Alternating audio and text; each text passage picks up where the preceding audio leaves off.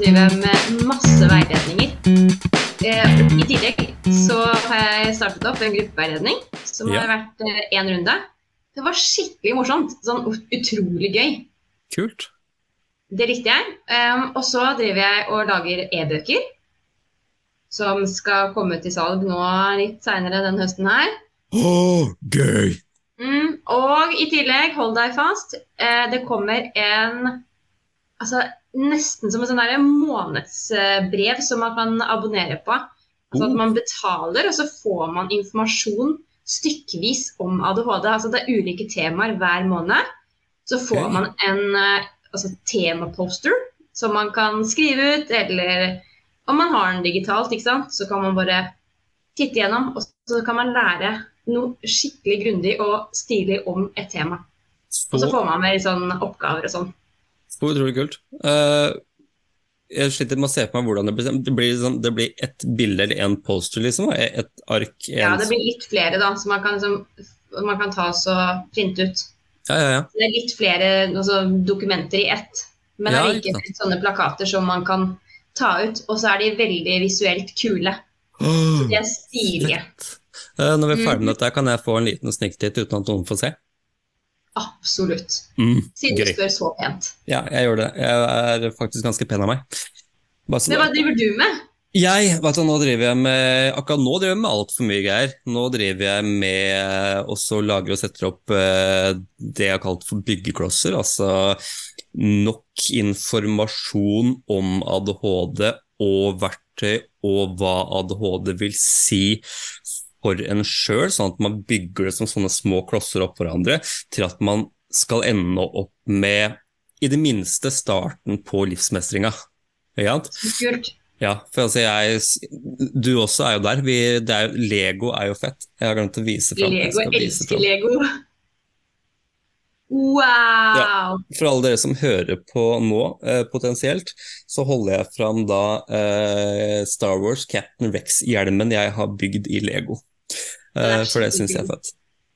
Og så Jo, for som Lego-entusiasten jeg, jeg, er, og pedagogiske hodet mitt, så er liksom det der byggeklosser mm, Ja, det, det syns jeg var fint. Så da, Ja. da er, for det er litt som, litt som man gjør når man skal bygge opp et fundament til å ha litt livsmestring og fokus og sånt på, er at man bygger litt sånn eh, legoklosser, tenker jeg da. Jeg syns det er ganske kult, fordi selv om du og jeg har ulike måter å forklare dette med ADHD på, så er det innholdet ganske likt. Ja, ja. For jeg kaller jo min Altså, jeg har jo delt opp eh, sånn, tanken om ADHD inn i tre deler.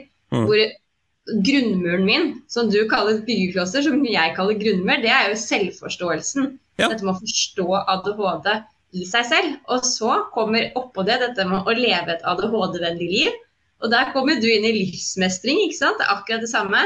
Ja. Og så har jeg toppen på huset, altså taket, som heter level up. Og der er det snakk om liksom Hvis du ønsker å høyne det, altså du ønsker virkelig å Mm. leke litt da, med ADHD, da er du oppe i level up. Da er det sånn OK, nå begynner jeg å legge til rette for ADHD-en gjennom mat og hormoner og fysisk aktivitet og altså muskelspenninger i kroppen og alt sånt her. Så det er veldig likt. Det er bare at vi har kalt det ulike ting. ja, ja. Jeg syns det er så kult. Og jeg tenker at så, så Fundamentet ADHD, selv om ADHD ser veldig forskjellig ut fra menneske til menneske, også, mm. og, og, og alt av bagasjen som er med som gjør det så veldig som et sånt vidt spenn, så er det jo det generelle grunnleggende som må på plass først. Det er jo stort sett veldig likt på oss, de, de fleste av oss, for vi har jo hjerne. Ja. Og det fungerer litt annerledes. Så selv om man fungerer annerledes for hvert individ, så fungerer det fortsatt annerledes.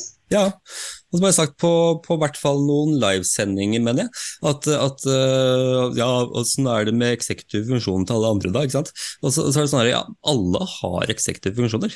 Alle har det, bare at noen fungerer litt, øh, litt annerledes, noen fungerer kanskje litt dårligere, litt sånn ut ifra hvordan man ser på det da. Og datter litt ut av tanken min. Men, men det, Men det, det handler jo egentlig om at det er jo ikke sikkert at uh, altså Vi må jo være forsiktige med å si at ting fungerer dårlig, eller at det Ja. ikke fungerer, men at det fungerer uh, annerledes. Og, Yes. og at det er en reguleringsvanske. Det er jo akkurat derfor det handler om dette med Enten så kan jeg eh, slite med å fokusere, Eller så kan jeg hyperfokusere. Det er litt sånn vanskelig å være midt imellom. Ja, Ikke sant? Det er eh, den derre enten, enten eller, eh, eller det er det, altså. Ingenting eller veldig mye, ikke sant? Og det er sånn føles altså, Hele livet for mennesker med ADHD føles enten ingenting eller veldig, veldig mye. Jeg skriver under på det med en gang, jeg. Det tar jeg skal bare gjøre. Jeg tenker så, så, så, sånn øh, Jeg har jo brukt ordet dårligere fungering og svakere fungering og alt, men det har på en måte vært som min egen følelse før jeg fikk diagnosen og før jeg fikk ting på plass. Jeg tror nok mange kan på en måte relatere til det, selv om altså, det er jo ikke en dårligere fungering, det er bare litt annerledes. Det er jo det. Ja. Det er dit man må komme etter hvert for å forstå det. da. Og så er det jo noen ganger den fungerer dårlig. Ja, ja. Må jeg være ærlig å si det. Sånn som i dag, så har du og jeg en dårlig ADHD-dag. ja. Alexander, fortell meg hva en dårlig ADHD-dag er. Åh, eh, det, altså, da er vi på, det er jo veldig individuelt, da. Altså, vi kan ta den der praten. Det er veldig individuelt for noen. Så vil, ja, men for meg, i dag, så vil jeg si jeg har jo en, en annen jobb som jeg driver på flyplass og stuer bag i hurtig tempo, masse tunge bager, for at folk ikke klarer å ta med seg den vekta som er lov. Ja, Ikke sant? Eh, og regler, så- urettferdig. Ja, ja, og det er greit nok, for jeg liker bag. Jeg syns det er gøy å kaste litt bag og skyve litt bag og dytte litt hit og dit. Jeg syns det er helt ok. Eh, og, så, får jeg ut veldig mye av den der overførte energien. Men det ser kanskje ikke sånn ut nå. Jeg får ut veldig mye av den. Men i dag, dere, i dag, Anne Marte, så Ja. sto jeg opp kvart på tre. Fordi at jeg skulle på jobb halv fem, og jeg bruker ca. 7 minutter og 33 sekunder til min jobb. Og så må jeg gå fra parkeringsplassen inn, det tar ca. 8 minutter og 45 sekunder. Eh, og da burde jeg være på plass etter sånn røft regn. Vi kan ta så eh, Hva heter det for noe? Gjøre overslag? Ja. Dra den opp til, til Si jeg bruker 20 sekunder på Nei, 20 minutter. Herregud, sekunder. 20 minutter på en litt, rask, eh, litt dårlig. Nei, jeg er ikke så rask. Jeg, hadde, jeg, jeg, jeg, liker å tro at jeg er rask, men jeg er egentlig ikke det. For det er sånn herre Når jeg og kompis liksom ah, 'Du er treg, ass'. Ok, skal vi løpe om kapp, da? Og så taper jeg alltid. Ja, nå ødela jeg historien din nå, fordi du har en dårlig ADHD-dag. Ja, nettopp. Men Nå var du på vei til flyplassen. Merker du det? eller? Ja, ikke sant. Og det tar jo La oss runde, runde opp, Petre. La oss runde det opp til 20 minutter. Ja. Ikke sant? Og da tenker jeg at da trenger jeg i hvert fall en time på å komme meg til jobb. Det, ja, ja, sånn er jeg. Tre, hvis, hvis noe tar altså Sånn som å rydde kjøkkenbenken også. Fem Ja. setter jeg godt av en halvtimes tid, fordi at jeg, jeg tror faktisk jeg trenger så lang tid. Sånn er det. Story of my life. Men så kom jeg på det at eh, sånn klokka halv tolv i går kveld, så kom jeg på at jeg har jo ikke lagd meg noe mat. Eh, Så, um, så jeg tok et valg. Jeg går ikke ned halv tolv og lager mat, for det gidder jeg ikke. Eh, Og jeg venter til i morgen, for at jeg er glad i å prokrastinere, i hvert fall der og da. Og så ender dette med at jeg må opp kvart over tre, da, så det ble en halvannen times eh, søvn før jeg måtte opp og så steike meg litt koteletter og dra på jobb og jobbe ti og en halv time før jeg kommer hjem og skal hente barn. i ja, og uten søvn og ting som skjer, og småforbanna dag på jobb også, fordi at det er ting og tang, ikke sant. Da, Ja. da, da, da, da tar det litt tid å, å lande pent. Ja. Landa for så vidt ikke pent heller, men jeg landa. Ja, ja. Åh, så det er min uregulerte dag, og da er jeg litt overalt. Jeg er her og der, og jeg skulle gjerne, før vi satte oss ned her nå, skulle gjerne fokusert litt på å skrive ned litt planer og litt greier for, for tanke i hodet greier. Men det, det røyk rett åt eh, det, faen, det gikk til helvete, var det det gjorde? Ja, for du bruker sånne, sånne sterke ord, og jeg ville sagt at det var skogen, ja, altså, men du tar Ja. den helt ut. Altså, Ja. det, er mi, det, det er min podkast, tenker jeg. Ja, og så er det sterke uttrykk på en sterk dag. Ja, det er det. Og jeg, jeg er veldig glad i kraftfulle uttrykk. For at for meg fra jeg var liten også, jeg, har- jeg har vært mye, mye sinna fyr, ikke sant. Og når jeg skal forklare hva som skjedde, så har det ikke vært nok med at jeg syns det var dumt. Ikke sant? Jeg er dritforbanna. Og så lager sånn for stumme Nå skjønner jeg ikke hva jeg sier, men lager sånn her stemme. Og så, og, så, og så er jeg litt der ennå noen ganger, for jeg er jo egentlig fem år i hodet mitt. Eh, men Alexander, vet du hva vi har glemt? Nei. Vi har glemt å fortelle at vi har jo gått på skole sammen. Ja, det jeg har vi det. Jeg har sett den lille Alexander. jeg har sett lille Anna Marte. ja, nei, jeg var mye mer moden enn deg. Eh, de aller fleste er mye mer moden enn meg til dags dato. Eh, ja, det er relativt. Jeg, det... jeg har stoppet et eller annet sted. så det, det, går helt fint. rett, rett, før 18 stoppa faktisk. ja, veldig barnlig. ja. ja. men det gjorde vi. Det var jo ja. Kringle Slattum barneskole, det. Ja, stemmer. Hei, Gud bedre. Husker du den tida? Jeg husker veldig lite fra den tida, faktisk. Jeg husker egentlig bare det, at, jeg, at du var sint. Mm. Fordi du hadde blitt behandla urettferdig, og så mm. satte du deg i under, sånn, uh, under dekk på et skip som ja. var i skolegården. Så pleide jeg å være titte eh, bortom deg når du var der, fordi jeg likte å huske på den huska som var ved siden av skipet. Ja, ja, ja. Så var du der, og du var veldig høylytt sint, men ikke på meg. Men jeg satt jo på huska, så jeg var jo bortom deg og snakka med deg og sånn. Stemmer det. det kommer liksom. Ja, det kommer litt tilbake. Det gjør det, altså. Ja. Jeg syns det er jo Det er et sånt kapittel som av mange grunner har blitt litt borte oppi huet mitt. Uh, men når det kommer tilbake til ja, det, det er faktisk helt riktig, det. det. men jeg tror ikke du hadde gjetta at, altså at jeg har ADHD? Nei, Nei. ikke i det hele tatt. Men ikke sant, hvem i samfunnet i dag på vår alder og eldre, kanskje litt yngre også, ser for seg en høyt utdanna dame med briller som har jobba st statusjobb her og der, hva på å si. Eh, I hvert fall for andre yrkesgrupper så har du jobba litt statusjobb. Eh, ja, og det er jo relativt høyt utdanna også, vil jeg si. Jeg har en eh, mastergrad og en etterutdanning eh, som jeg har jobba for den, da. Ja, altså jeg vil ikke si at det er driten bak søpla. Det er, nei, nei, nei. Det, er, det er, jo ikke det. Uh, at du skal sitte her og bare Du, jeg har ADHD.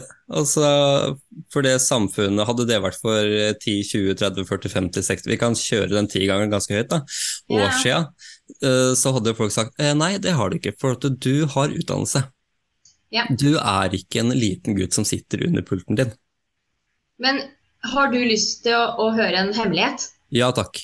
Veldig gjerne. Jeg, jeg elsker hemmeligheter. Jeg har kjøpt alle pensumbøkene. Ja. Alle pensumbøkene har jeg kjøpt, og så har jeg lest tre. Ja, ja. Men jeg har lest overskrifta i halvparten av de. Ja, men det er bra. Eh, det har jeg. Men eh, det er bare tre bøker som jeg faktisk fant en interesse i å lese. Mm. Eh, grunnet oppbyggingen av boka klarte jeg å lese de, altså de tre bøkene. Mm. Eller så har jeg kommet meg gjennom da en eh, mastergrad og en etterutdanning uten å lese noen ting. Ja, ikke sant. Og når du sitter der hjemme nå og hører på dette her, så vil jeg at du skal ta en stille klapp fra en Marte, for det er faktisk helt rått. Det, jeg har jo eh, vært gjennom i studiet sjøl, og det, det ikke, ikke, ikke, så høyt opp, men eh, det er jo imponerende, det vil jeg si. Det forventes at man skal lese, ikke sant. Og det ja, ja. Og funker utrolig dårlig min versjon av akkurat det der, da, det er jo det at vi fikk jo, tok nett, nettbasert, ikke sant, alle sammen.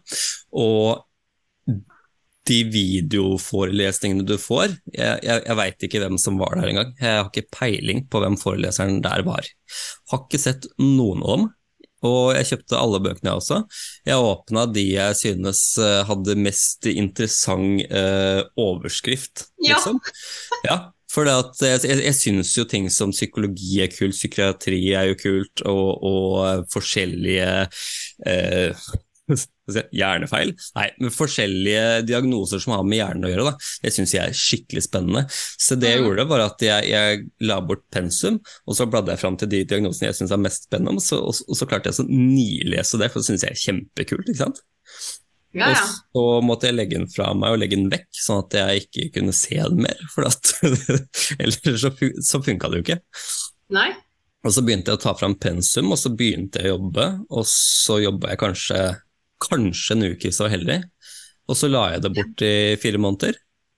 Og så tok jeg det fram en uke før eksamen, og så, og så gjorde jeg alle innleveringsoppgavene og sånt som trengtes for å ta eksamen den siste halvannen uka, da. Men det er jo utrolig mange sånne læringsstrategier Ja. eh, som eh, er uhensiktsmessige, og så er det noen som Ja. er veldig hensiktsmessige. Ja, og så må du jo jeg finne Jeg min var det, ikke en hensiktsmessig strategi. Jeg ble Nei. veldig sliten av å eh, jobbe på den måten jeg gjorde. Så Mm. det lærte jeg jo ikke før jeg skrev eh, masteren. Hvordan jeg kunne jobbe eh, litt mer effektivt. Fordi jeg satt i forelesninger, og så ni, jeg skrev For jeg har veldig god hukommelse, så jeg skrev eh, veldig fort alt foreleseren sa. mm, Fordi da klarte jeg, ikke sant, da ble det liksom Det auditive ble gjort om til det visuelle, og det visuelle ble knyttet til altså ting eh, jeg hadde opplevd tidligere. Ja, ja, Jeg satte sånne små streker til liksom eh, hva jeg kunne knagge det på, og så var det sånn jeg lagra det inni hodet mitt. Og, Det er så fett. Jeg, jeg, jeg, jeg syns det er så fett. Og grunnen til det Det er mange grunner til det, med at du, du bruker den metoden der. For jeg har så mye jeg har lyst til å si, akkurat, jeg veit ikke hvor jeg skal begynne. Men det du, det du nesten begynner med, at du, du har så god hukommelse, ikke sant. Der, Mhm. Det syns jeg er gøy, som vi må, må snakke litt om før vi kan gå videre. Det, det, det, det er jo det med at man ofte tenker på eller får høre at eh, de med ADHD de har skikkelig dårlig hukommelse, så husker jo ingenting. Så kommer du her nå som høyt utdannet. Du har jo, eh, hvis ikke jeg tar helt feil, så har videreutdannelsen din i Er det ADHD, er det nevroutviklingsforstyrrelser, er det autisme, Ja. er det begge, begge deler? Det er nevroutviklingsforstyrrelse. Så Yes. det er jo spekter, ja. Så utrolig kult. Og så sier du at ja, jeg har jo god hukommelse, og det, det kan jeg faktisk si også. Jeg har veldig god hukommelse. Jeg kunne på et tidspunkt eh, pi med 50 des- desimaler. Jeg tror faktisk jeg kan det ennå, uten at jeg helt veit.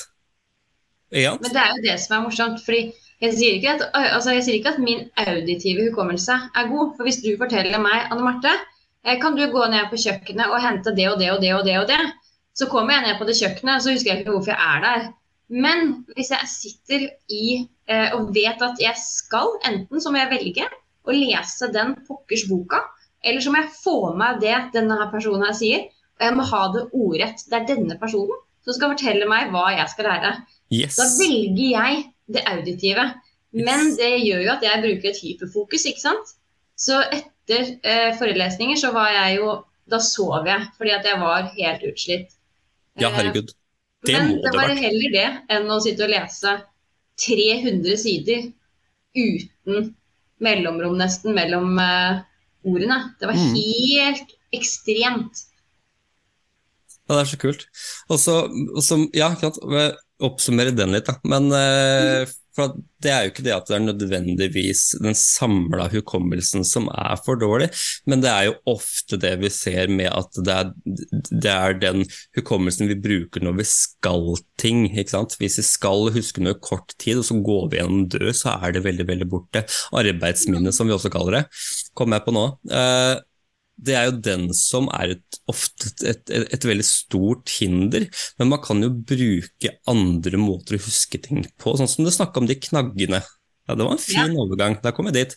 De knaggene. Eh, for at det er jo også en ting vi det, det, det ser ut som viser seg at vi med ADHD er mye bedre på enn i vanlig mann i gata. Det er jo det med å når man skal lære noe nytt, ikke følge den røde tråden som er lagt opp, men heller å stoppe opp litt og se rundt seg spindelvevet, ikke sant? Sånn som vi har snakka om det før, har vi ikke det? Du og jeg. har. Eh, spindelvev rundt seg, og så ser vi alle de hvor de trådene møtes hen, så har vi informasjon, og så ser vi ja, men den passer der og den passer der, da må jo dette henge sammen sånn. Og Ja. så går man kanskje til, til, til en professor eller noe og sier at blir dette riktig? Og professoren ofte, da, for min del, som jeg husker, sier eh, ja. Jeg veit ikke helt hvordan du kom dit, men ja, Men ja. det vil jeg si. ja. Ja. Så jeg hadde Nei, men det er det som er kult. Vi trekker Ja. sammenhenger der andre går inn og ser på veldig detaljer. ikke sant? Så trekker vi sammenhenger i dette store spindelvevet. nettopp. Og da begynner vi å koble på langtidshukommelsen vår, og da kan vi lære. Og det er så kult at det er. Å, ja, jeg kjenner også det, for det var jo sånn jeg gikk gjennom studiet mitt òg, for jeg hadde jo jobba i skole i hvert fall Nå husker jeg ikke, men si sju år da, med nevroutviklingsforstyrrelser. ikke sant? Så jeg hang jo bare på hva jeg visste fra før av, hva jeg hadde sett og hva jeg hadde snakka med vernepleiere om og sånt. da. Ja. Og det... det er veldig fint hvis man lager sånn pressmiddel, litt sånn som jeg sa. da. At mm. enten så måtte jeg velge det ene, eller så måtte jeg velge det andre.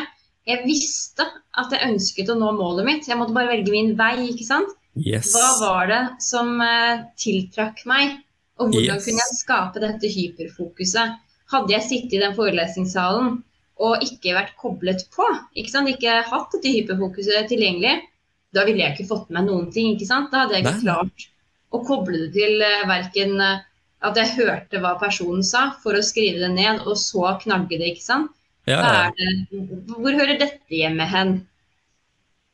Men hvordan er, det hvordan er det ser ut inni hodet ditt, Alexander? For inni hodet mitt så er det reolsystemer. Hvordan ser det ut inni ditt? Og, jo, det er veldig veldig likt, men jeg er mer old school, faktisk. Så jeg har sånn der, sånn der filkabinett. har jeg. Oi!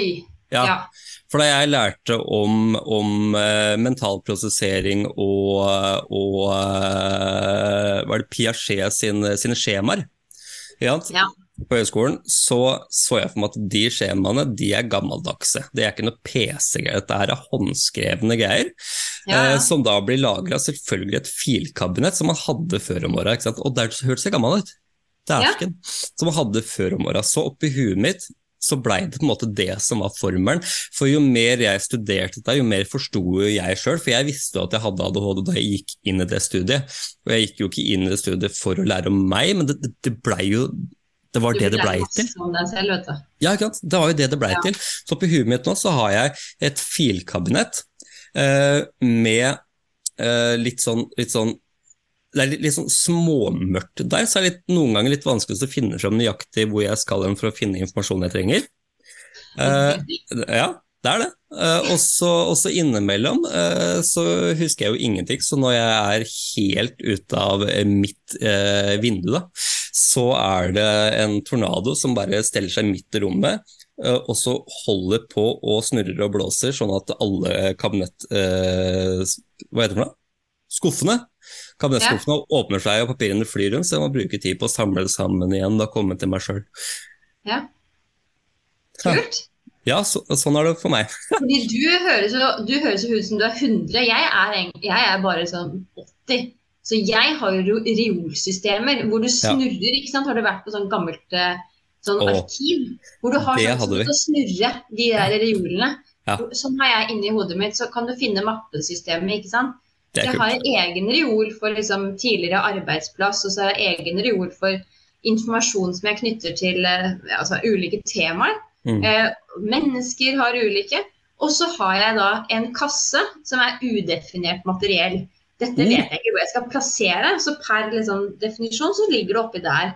Er fett. kalles den kassa. altså Det er bare Ja, ja, ja. det er informasjon som folk gir meg som jeg ikke vet hva jeg skal gjøre av. Og så Så det- ligger det der.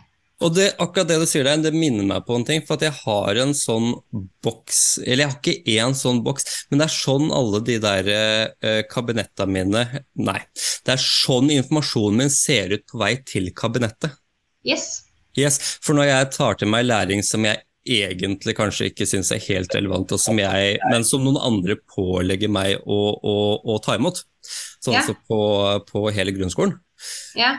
Oh, jeg var ikke noe god elev. Men uh, så, så Jo, så kan jeg se for deg at, at, jeg samler opp de minnene og den informasjonen der på sånn gammeldags hytteklessnor, for det er jeg oppi huet mitt, da. 100 år igjen.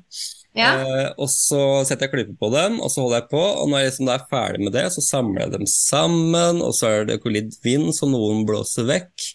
Og så får jeg dem oppi boksen min, som jeg skal ta med til filkabinettene mine, for jeg er fremdeles 100 år. Og så på veien der så blir du rista på, og så ligger det og bulter hulter bulter, så er det ikke noe som er i samme rekkefølge lenger, og plutselig så mister jeg den, ikke sant? og da er det noen nye som detter ut. Så jeg kommer fram til, til, eh, til filkabinettet mitt, så er det egentlig ganske vanskelig å finne ut av hva er det jeg egentlig har lært her nå. ja.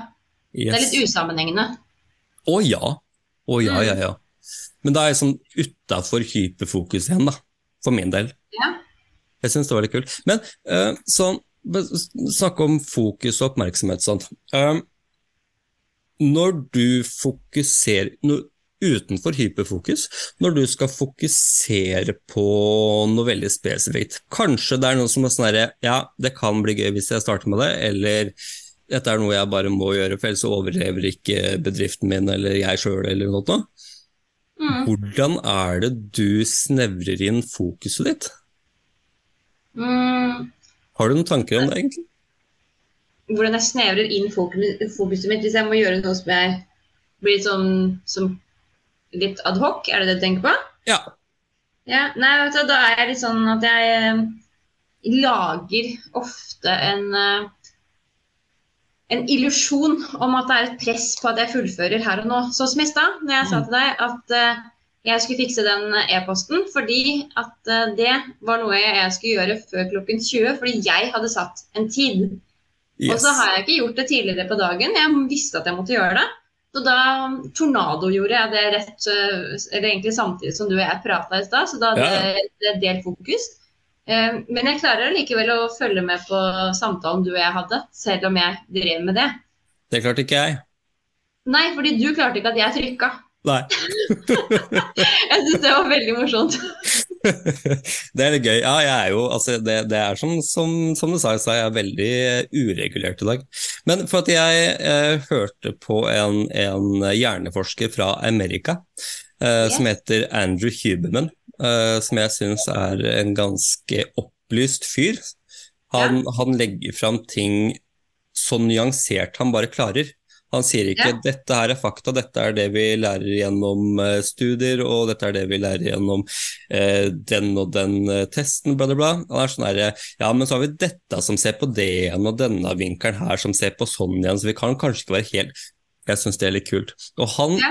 fortalte noe som jeg jeg har, jeg, har, jeg har kanskje Jeg har på en måte gjort det litt noen ganger ved uhell, men jeg har ikke tenkt på at det er sånn det henger sammen før nå, og det er litt kult.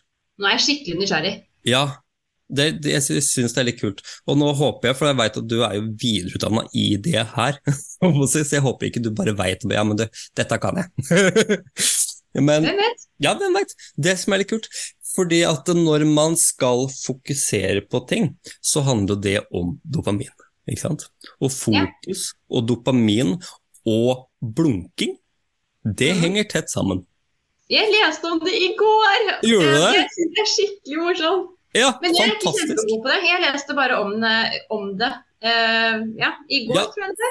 For det jeg egentlig lurer på her nå, er dette her noe som kommer fra Amerika nå, som kanskje kan bli godkjent som en greie i løpet av en tiårs tid i Norge? Sånn som En god del ting her. det? da? Jeg kan fortelle litt mer om det. Fordi at når vi skal fokusere på noe, så er det jo sånn at vi må gå enda lenger tilbake. Fordi at vi har noen hjernedeler som samarbeider og motarbeider hverandre. Og to av de, uh, de hjernedelene, husker jeg ikke hva de heter i farta, jeg beklager. Uh, men to av de hjerne, hjernedelene de skal ikke samarbeide. De skal motsette hverandre. og Den ene bruker vi når vi er aktive i ting, når vi driver med noe, når vi ser på, når vi lager kurs, når vi eh, har et kjærlighetsforhold med kone eller mann eller hva man har for noe. Eh, Mm. Alt vi gjør, da er den aktivert. Og med en gang vi blir inaktive, altså ikke sitter og gamer eller sitter med telefon, når vi sitter og liksom TV-en er på i bakgrunnen, vi får egentlig ikke med oss noe, der, så er det den andre hjernedelen som er aktiv. Og disse her skal switche fram og tilbake, og det er dopaminets eh, oppgave å gjøre. Ikke sant? Eh, og det som er greia da, med oss med ADHD, det viser seg det var ikke 100 definitivt at det er nøyaktig sånn det er, men det er veldig, veldig, veldig sterke tendenser for det akkurat nå i forskningsmiljøet til at for oss med ADHD så er det ikke noe sånn switch fram og tilbake. Dopaminet funker ikke sånn at det er sånn Ok, nå er det den hjernedelen, nå skal du av. Ok, nå er det den andre hjernedelen, nå skal du av. Men dopaminet er for lavt, og når dopaminet er for lavt, så vil dopaminet gjøre sånn at nevronene fyrer av mye mer. Merkelig nok. Mm. Men de er vel eh, for svake til å gi oss den effekten som de ønsker. Ja, det er helt riktig. Og derfor eh, blir det sånn at begge de delene som skal være motsetninger, de fyrer samtidig. Mm. Så vi vil aldri på en måte slappe helt av før vi er i søvn. Nei, og det her handler jo også om dette med energiregulering, ikke sant? Yes. Hvile og aktivitet. yes. Og da vi kommer inn i fokus, da, så er jo det noe med at eh, de hjernedelene der, de bare går og går. Og det som styrer tidsperspektivet vårt, det er blunking og dopamin. For når dopaminet holder seg på et sånn konstant nivå, så Mm. har man en helt vanlig oppfatning av tid, og når det øh, kommer, drypper mer og mer, opp å si, så, Mm. så vil tida opp, føle seg som om det går fortere, liksom som når man har det gøy. Ja. Og når det dopaminet renner sakte på, så føles det som tida går saktere. Ikke sant? Ja. Og den tiden blir også regulert av blunkinga. For det som viser seg, er at hver gang vi blunker, så resetter tidsperspektivet seg. Oi, Det er fett. det er kult.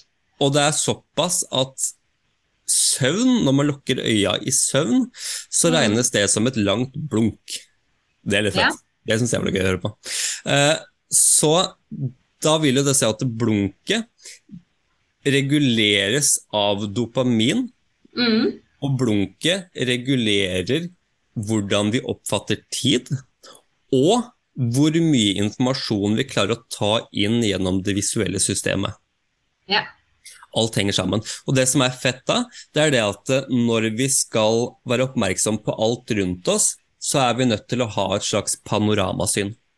Ja? Mhm.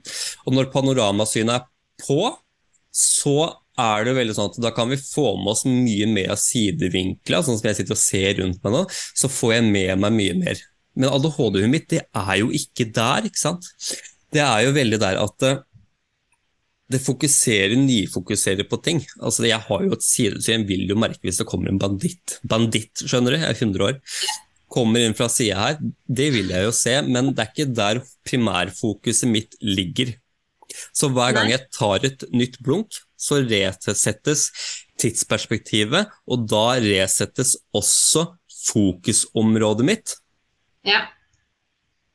Ja, så når jeg da snevrer inn på noe som er veldig fysisk og nær meg, noe som jeg som skal, skal holde ved like over tid, når jeg studerte f.eks., eller driver med å lage kurs og sånt, så mm. bruker jeg øh, Hva heter det for noe? Det heter kikkert. Kikkertsynet mitt. Ja. Stenger ute det som er rundt. Og når jeg skal, skal prøve å få med meg ting som skjer rundt, så øh, skal jeg bruke panoramasynet. Mm. Men når jeg skal prøve å switche fram og tilbake mellom de her, så må vi tilbake til de to hjernedelene, ikke sant? Og hva skjer med deg da? Hva føler du da, når du skal switche? Da Jeg blir svimmel. Å ja, nei, jeg blir forbanna. Du blir forbanna, men jeg Ja. føler at det ikke går. At Ja, ja, ja. det går sånn kakk, kakk, kakk, kakk, kakk, kakk, kakk, med sånn synet som bare hakker sånn, sånn bortover. Og så kjennes det ut som jeg blir svimmel. yes! For det som skjer når jeg blir forbanna, så mister jeg Jeg mister jo ikke synet, men jeg mister evnen til å oppfatte de Du viktige tinga. Ja, jeg får tunnelsyn. Det er akkurat det det var. Du snevrer inn. Jeg syns det er så kult at alt der henger sammen. Nå har vi nerda litt, det var gøy. Åh, Men jeg har veldig lyst til å spørre deg om én ting til der. Spør meg én ting til. Fordi, eh, er du oppmerksom på hvor ofte du blunker? Jeg har blitt det den siste to ukene etter at jeg hørte på det der. Ja. Yes. Eh, For det er jo litt sånn at eh, hvis vi blunker for ofte, sånn som han sa da, hvis vi blunker for ofte, så vil det gi eh, signaler til hjernen om at det er et eller annet feil med tida, og at da fokuset vårt ikke klarer å feste seg på noen ting, at vi liksom går rundt som en sånn vandrende For at det blir som et, som et kamera som skal ta masse, masse, masse, masse bilder. Og jo flere jo, raskere kamera tar bilder, jo mer videokamera blir det, ikke sant? Og jo mer får man med seg i lengden. ja. Ja. Men, men hvis man beveger den for fort igjen, så vil det bli blurry. Ja, og jeg syns jo det er veldig spennende, fordi når jeg sitter og jobber på PC-en, Mm. og blir eh, Særlig hvis jeg gjør ting som jeg syns er skikkelig spennende, Mm. Da har jeg en tendens til å glemme å blunke. Fordi alt må jo huskes på. ikke sant? Jeg må huske å puste også innimellom. Jeg glemmer da å blunke. Så det som skjer til slutt, er at jeg Jeg vet ikke om jeg skjeler, men at øynene mine eh, klarer ikke å holde fokuset lenger. Så Mm. de bare skifter, sånn at det blir en sånn type et type dobbeltsyn. Og da meg- må jeg ja. Men la meg dra fram en litt artig tanke. eh, for det, det er jo på en måte ikke helt sikkert at det handler om at du Hva var det du sa for at du ikke vil At du ikke klarer å blunke? Nei, jeg glemmer å blunke. Du sånn jeg glemmer å blunke? liksom blir så opphengt ikke hvis vi- sant, at jeg glemmer det. Ja, ja, det var det du sa. For hvis vi da skal se på hvordan hjernen fungerer, hvordan hele dette systemet fungerer, da, så vil jo det kanskje si at du ikke glemmer å blunke, men at hjernen din hjelper deg med å fokusere ved å ikke starte tida på nytt. Ved å ikke starte framen da, på nytt igjen. Ja. Men det er akkurat det, at den klarer Yes. det egentlig veldig lenge. Og så til slutt så blir hjernen sliten, og da ønsker den at jeg skal avslutte. ikke sant? Og det den gjør da fordi jeg ser jo ikke min, altså jeg får jo ikke disse hintene. Det er ikke alltid at jeg tar opp disse hintene. ikke sant? Mm. Man får beskjed fra hjernen ok, nå er det tid for å ta en pause. Hvis man ikke lytter til den, så vil kroppen si ifra på en litt hardere måte. Og min gjør da at jeg får sånn dobbeltsyn.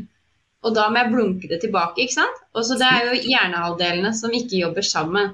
Så Ja, det her må du klare å, å, å komme seg ut av det. Men jeg syns jo dette her er utrolig spennende. Ja, det er det. Eh, Vi bruker det så mye.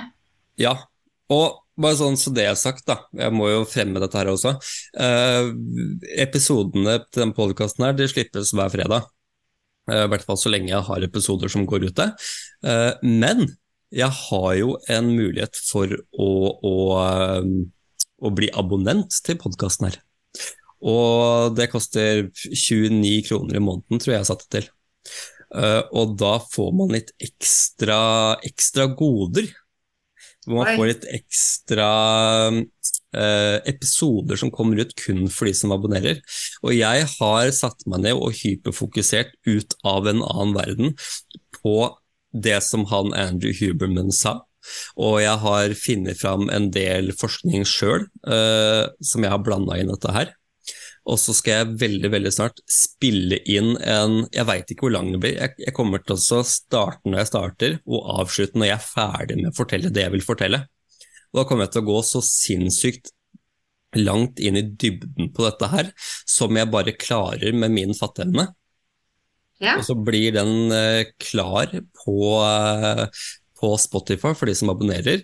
Eh, en dag før fredagen som kommer igjen, neste fredag. Én dag før neste fredag kommer den ut. Stilig. Det blir fett, så skal jeg gå skikkelig i dybden. Og da kommer det også flere verktøy, faktisk. Det er litt gøy. Har å glede seg. Ja.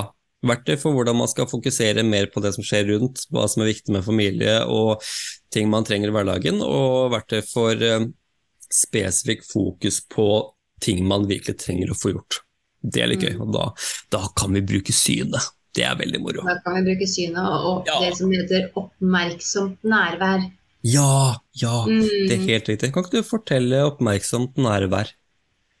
Vet du, jeg har eh, brukt eh, dette her eh, en del med barn. Mm. Så jeg bruker det veldig mye med meg selv. Når jeg går tur f.eks., så forsøker jeg ikke å ha noen andre distraksjoner når jeg går tur.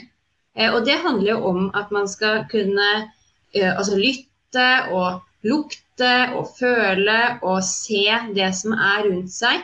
Gjerne titte litt ekstra på ting som man syns er, altså for min del, fint i naturen, fordi jeg liker å se på fine ting. Man kan se på hva som helst, det trenger ikke å være fint.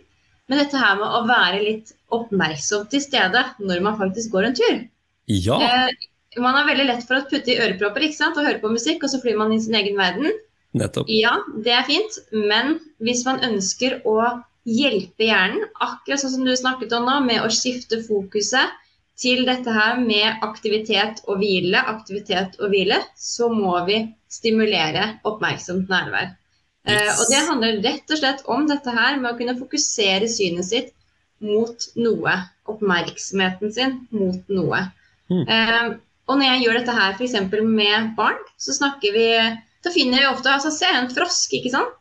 Eh, som, eller hva det måtte være. Så titter man på den, eh, og så snakker vi om hva vi ser. Og det her er jo og, altså, Man kan gjøre dette her med hva som helst, om man så vasker hendene. Dette med å føle, stå litt ekstra og føle hvordan er det kjennes ut å vaske hender, istedenfor å bare gjøre ting veldig, veldig fort.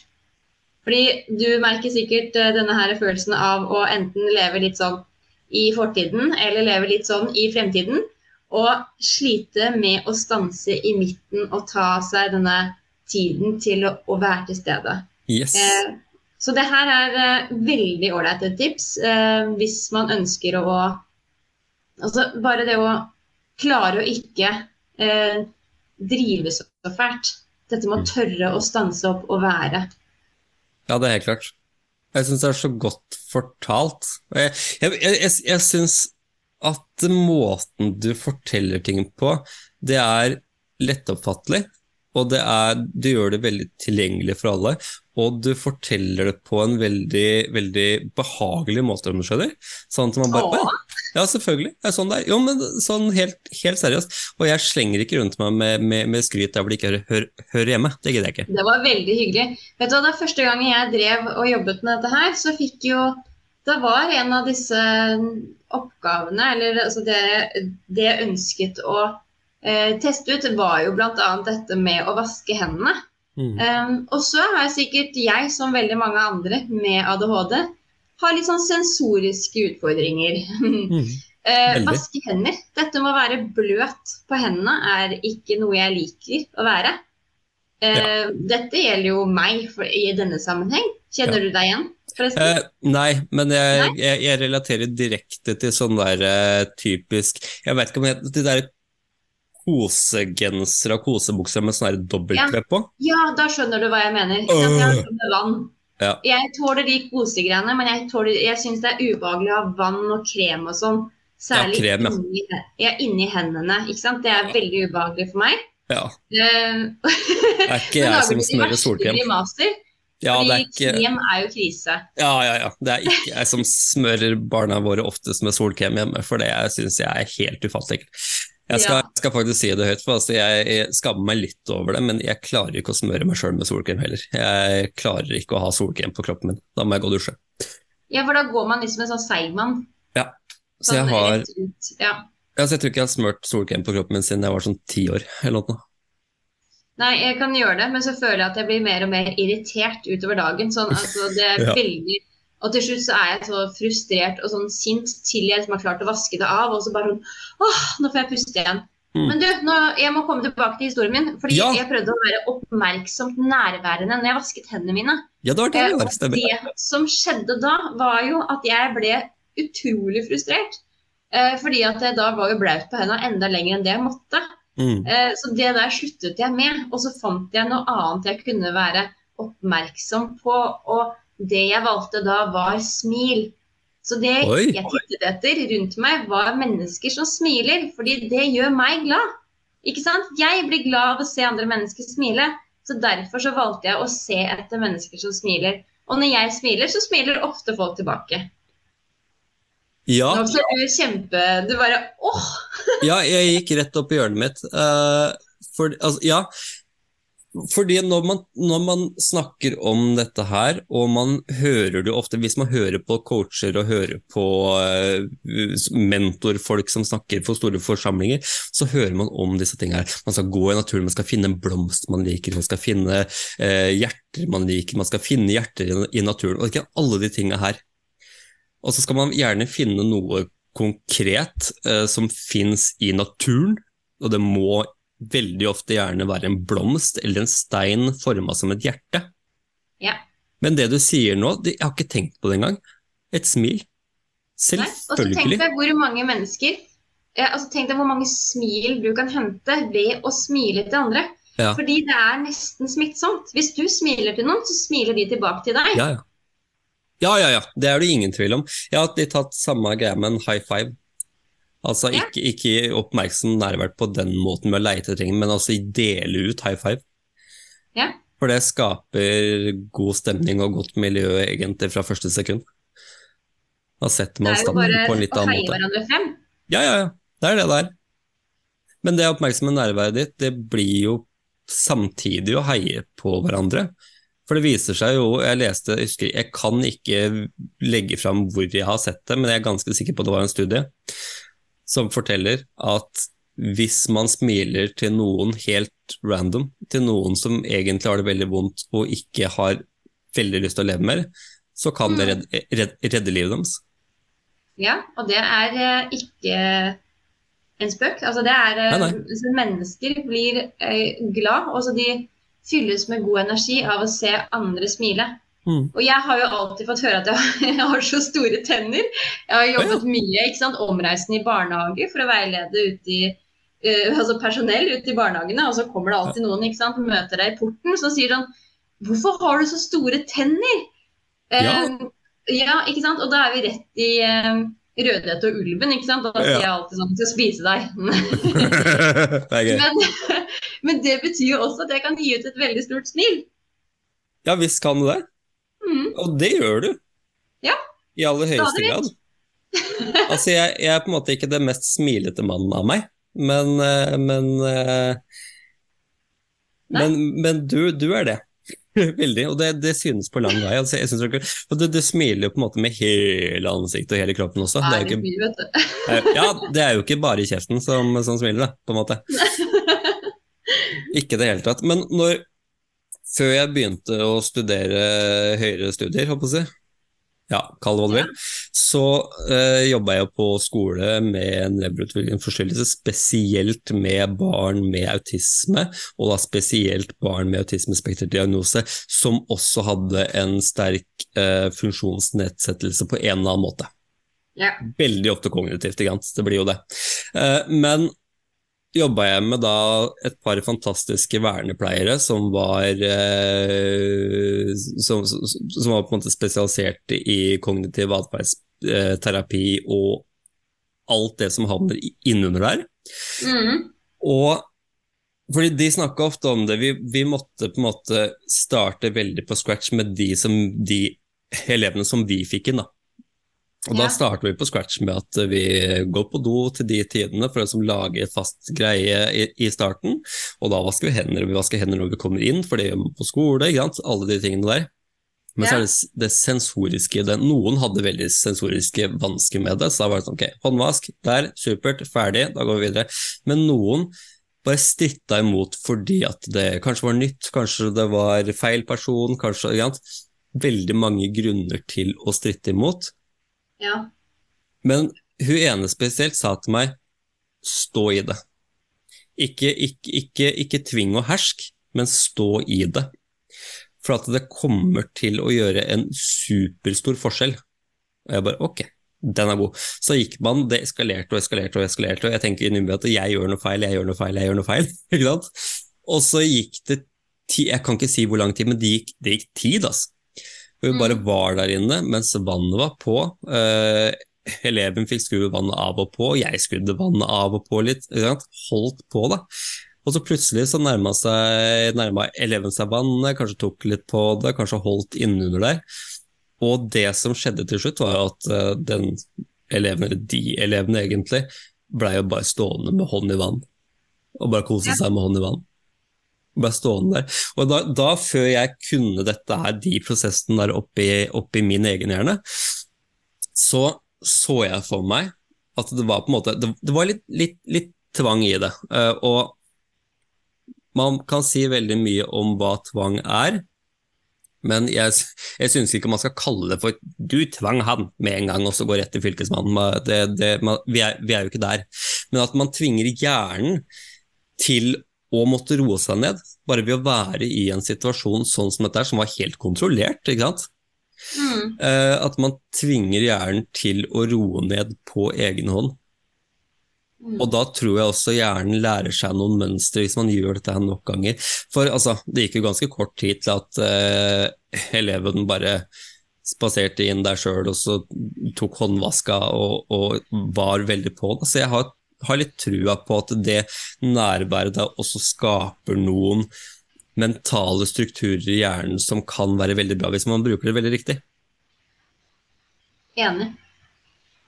Blei det veldig mye, eller blei du med meg? Nei, jeg ble med deg, men jeg Ja, tror også det her med at når du eh, når du velger å stå i en situasjon med et barn, eh, så kan du jo se en del eh, at, altså at atferden eskalerer litt, ikke sant? At det, Yes. det blir mye uro, det, det kan være ubehagelig å stå i. Og så vet vi det at uh, utvikling, det gjør litt vondt, ikke sant? Dette her Yes. med rett før du Det her kan du sikkert relatere til deg selv også, men rett før du når eh, punktet hvor du eh, har kommet deg tilbake til eh, din litt komfortsone, ikke sant. Nå har du mestret det, nå har du stått i det. Så Ja. kommer det til et punkt hvor du nesten bryter sammen fordi det er så heftig å stå i. Ja, ja, ja. Eh, og så kommer man inn i komfortsona etterpå, og da går det jo mye lettere. Men Yes. det å eh, nesten presse frem denne utviklingssonen til å være litt mer komprimert Mm. Ja, det er heftig å stå i det her og nå. Em, og så slipper man å dra dette her ut i mange uker eller måneder. ikke sant? At det blir en Yes. vanskelig situasjon over lang tid. Ja, ja. Sånn som mine egne barn altså, har gjort litt av de samme greiene på enkelte områder. ikke sant? For bare å stå i det. Men vi har, vi har tatt over lang, lang, lang tid. Men sånn som eh, elev som jeg snakker om og, og, og tenker på, så er det null tidsperspektiv. ikke sant? Nei. De minuttene vi brukte på det, eh, kan det for annet ha føltes som en 100 år. Og hadde vi Ja, ja. brukt 100 år på det, så kan det på en måte føltes ut som en time. Ja. Eh, Så det er jo liksom kort prosess. Dette skjer fordi at du har gått om dette, at det er om fem minutter. Jeg skal ikke stå og dytte deg i ryggen for å få deg til, men du kommer dit. Liksom. Ja, ja. Og gjorde det. Men det her er jo også det her er i det det, den, den, Altså når mennesker har eh, et, en annen tidsoppfatning, ikke sant. Da går det an å bruke sånne her teknikker for, å, eh, for at man skal slippe å ha det vanskelig hver dag. Jeg- med yes. håndvask f.eks. Men så er det jo andre ting som man skal være veldig forsiktig med. Men håndvask er jo helt nødvendig. Ja. Ikke sant? Det er sk- skille mellom hva som er en helt nødvendig eh, Mm. nødvendig ting å mestre, og så er det andre ting som man ikke nødvendigvis trenger å mestre for å ha et greit liv. Absolutt. absolutt. Jeg Men håndvask eh, på skolen, ganske lurt. Håndvask på skolen er veldig veldig fint. Man ser jo det etter pandemi, og sånt, for man er flink til å vaske hender. Så er det mye mindre sykdom et års tid, fram til man eh, begynner også å se litt mellom fingrene på den, og så kommer alle sykdommen tilbake. Ja, Åh, ja, det er gøy. sånn ja det er spennende. Ja, det er jo det, altså. Det er egentlig veldig spennende. Men som din måte når du liksom går tur eller skal, skal holde skal, gjøre noe for din egen syke, Mm. den er veldig lik min, men veldig annerledes. Fordi at jeg bruker mye fysisk aktivitet, altså det er jo det du gjør òg, men jeg går inn for å skape en treningsøkt.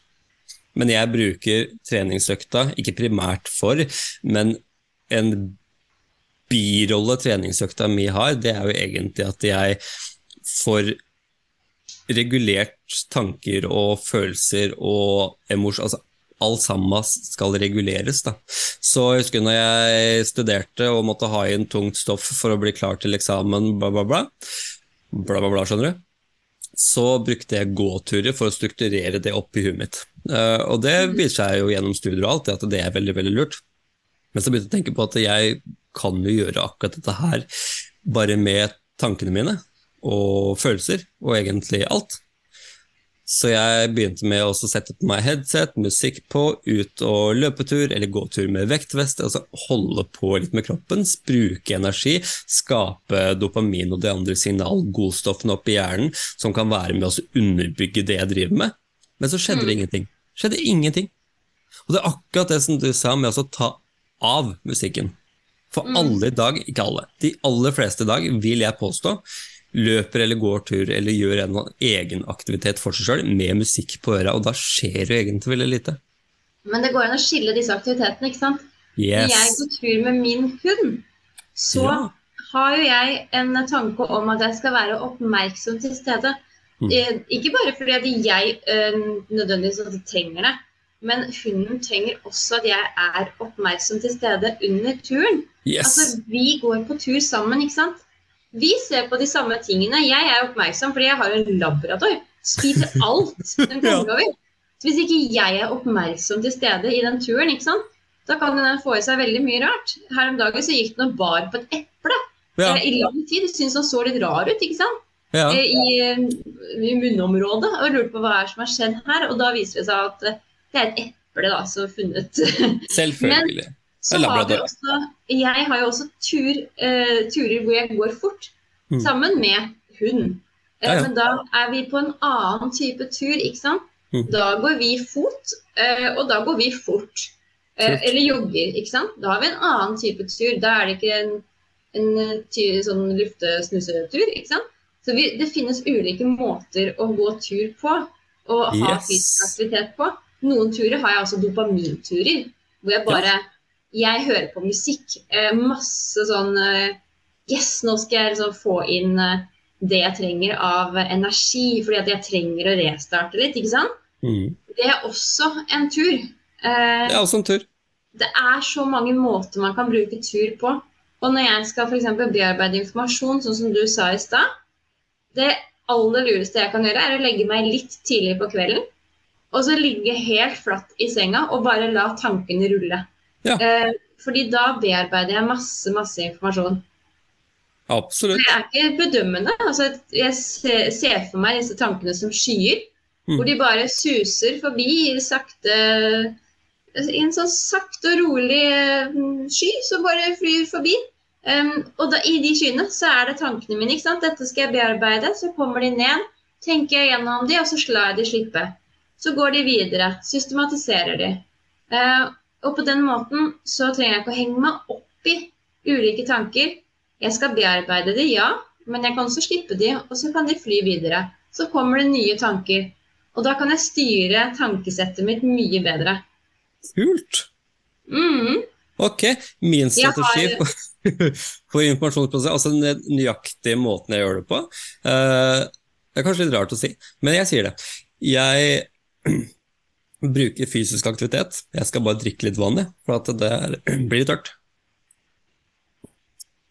Ah, Gøy når lytterne må høre på det jeg drikker. Det er gøy. Eh, jo, det jeg gjør, er at jeg bruker fysisk aktivitet, om jeg sykler eller løper eller går et eller annet. Og så tar jeg den informasjonen jeg liksom skal gjøre noe med oppi hjernen min for å huske det bedre. Og så holder jeg et foredrag om det.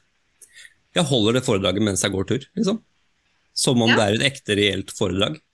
Og da fester det seg, for at da, først da kommer jeg på alle de derre småpunktene med at ok, det relaterte meg på den måten. Så i foredraget opp, opp, oppi hodet mitt da, så forteller jeg altså den historien fra mitt liv, ikke sant? som jeg kan relatere det holdepunktet til. Det, det syns jeg er gøy. Men det her gjør jeg når jeg sover. Hvis jeg ikke har hatt tid til å bearbeide på dagen, så kan jeg holde et helt foredrag om natten. Du vet når du, drev, altså når du lager sånn powerpoint slides og sånne ting, vet du. Ja, ja, ja. Jeg ut bilder og redigerer teksten ikke sant, i søvne.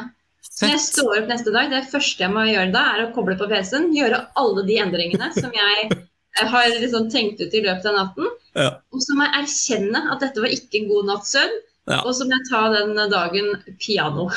Yes, det er For helt da er, egentlig, det da er det egentlig en sånn pekepinn. Altså, hei, du glemte å hvile i går. Du har ikke rukket å bearbeide denne informasjonen, så det har du gjort i natt når du sov. Ikke veldig bra. Ja, men det, det, det syns jeg var veldig kult at du sier også, og til alle dere der ute som, som har noe av samme greia, trenger ikke å være foredrag eller, eller lage en powerpoint, men altså hvis du har, skal ta inn masse informasjon, hvis du skal lære et eller annet, og du liksom går gjennom natta kanskje uten å sove, og noe, noe særlig, men når, når du først sovner at du, dette her går på repeat, så er det et tegn på at du ikke har bearbeidet informasjonen godt nok, at hjernen din har et behov for å jobbe mer med det. Og da bruker du så sinnssykt mye energi i søvne på å gjøre det da. Ja, for det her er jo, det er jo i hvile, altså når vi hviler, at vi kan bearbeide informasjon. Mm. Eh, og da er det ikke hvile med at du scroller på telefonen, men det er det hvile som i at du ikke stimuleres av noe annet enn å se for deg disse tankene som flyr som skyer forbi. Yes. Så kan du trekke det ned, så kan du bearbeide disse skyene, og så lar du de slippe, og så flyr de videre. Mm. Men har du søvnproblemer, Aleksander? Å, massevis. Har du det? Ja, i huet og ræva. Vet du hvor mange prosent av oss med ADHD som har søvnproblemer? Det sjekka jeg en, Nei, du, det er så lenge siden jeg sjekka, så det, det husker jeg ikke. Det er hele 70 Ja, det er mye, ass. Det er mye, ass. Det er mange.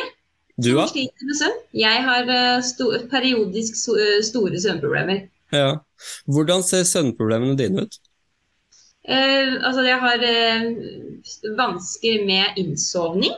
Mm. Og så har jeg vansker med at jeg våkner eh, i løpet av natten. Eh, Ja. Og noen ganger så har jeg også Altså, jeg drømmer ekstremt mye. Eh, så jeg husker ikke hva det her heter. Altså når du tror at du er våken, men du sover. Eh, skjønner du hva jeg mener? Ja, sånn, ja. eh, Insomnia-typ? Nei, det er, Nei, det er jo ikke sove.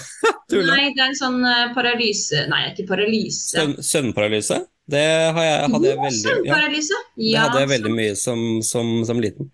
Ja, sånn kan jeg også ha i perioder. Mm. Så jeg sliter egentlig veldig mye med søvn. Eh, og så hadde jeg en eh, Før jeg fant ut at, har, altså at ADHD var utfordringen min, Mm. så var jeg så sint og frustrert over at jeg ikke fikk sove. Så jeg lå egentlig og stressa meg selv opp på kvelden.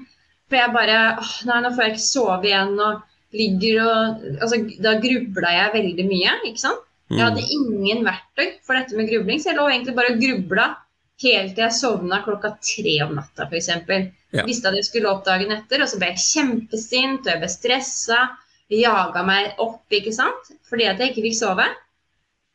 Og så fant jeg ut det at uh, hvis det eneste jeg gjentar for meg selv i de periodene her, er at det er fint å hvile også. Ja. Det er fint å hvile også, sa jeg til meg selv på en veldig, veldig rolig og sånn eh, litt sånn eh, monoton stemme, eh, Mm. men allikevel vennlig. Eh, så slutta jeg å jage meg selv opp, og så fikk jeg sove mye fortere. Fantastisk. Mhm. Det er litt kult. For jeg også har eh, altså mine søvnproblemer. Det det er også innsoving, men altså jeg har sånn rastløse bein. Da. Det er jo eh, superkrise. Ja, så idet jeg liksom Der sånn jeg så, Og da begynner beina det, det er ikke det at den bare er rastløs, det er at den nøkker til noe så sinnssykt. Jeg våkner til og bare «Ah, Hva i all verden var det for noe? Uh, det var den, da. Men så jeg, jeg har ikke forska så mye på det, for jeg, altså, jeg har godtatt at det er sånn det er. Og jeg takler å være våken lenge og holde på med mye lenge uten å ha sovet mye. Men kvaliteten på søvnen min er veldig god ofte. Ja. Så for meg så er det innsovinga. jeg takler ikke å sove lite. Nei, ikke sant. Da, Men det det er er et kjempestort problem for meg. Ja, men hjernen din jobber jo også veldig mye mer enn min, tror jeg, når, når du sover. Ja, det kan hende. Jeg kan ha opp mot eh, fire drømmer som jeg husker dagen etter. Ja, ikke sant. Jeg har ingen. Nei. Husker jeg en drøm, så er det sånn Wow, jeg husker den! Gøy. Ja. Mens jeg har en veldig livlig fantasi, så tydeligvis ja. har jeg veldig mye drømmer, da. Det er kult. Ha. Den jobber mye. Så den er eh, aktiv om natta. Ja, ja, ja. Men innsovninga mi, Jeg, jeg veit liksom ikke hvor det kommer fra. Igjen, jeg har jo ikke studert den for meg sjøl, for jeg har godtatt at det er sånn det er.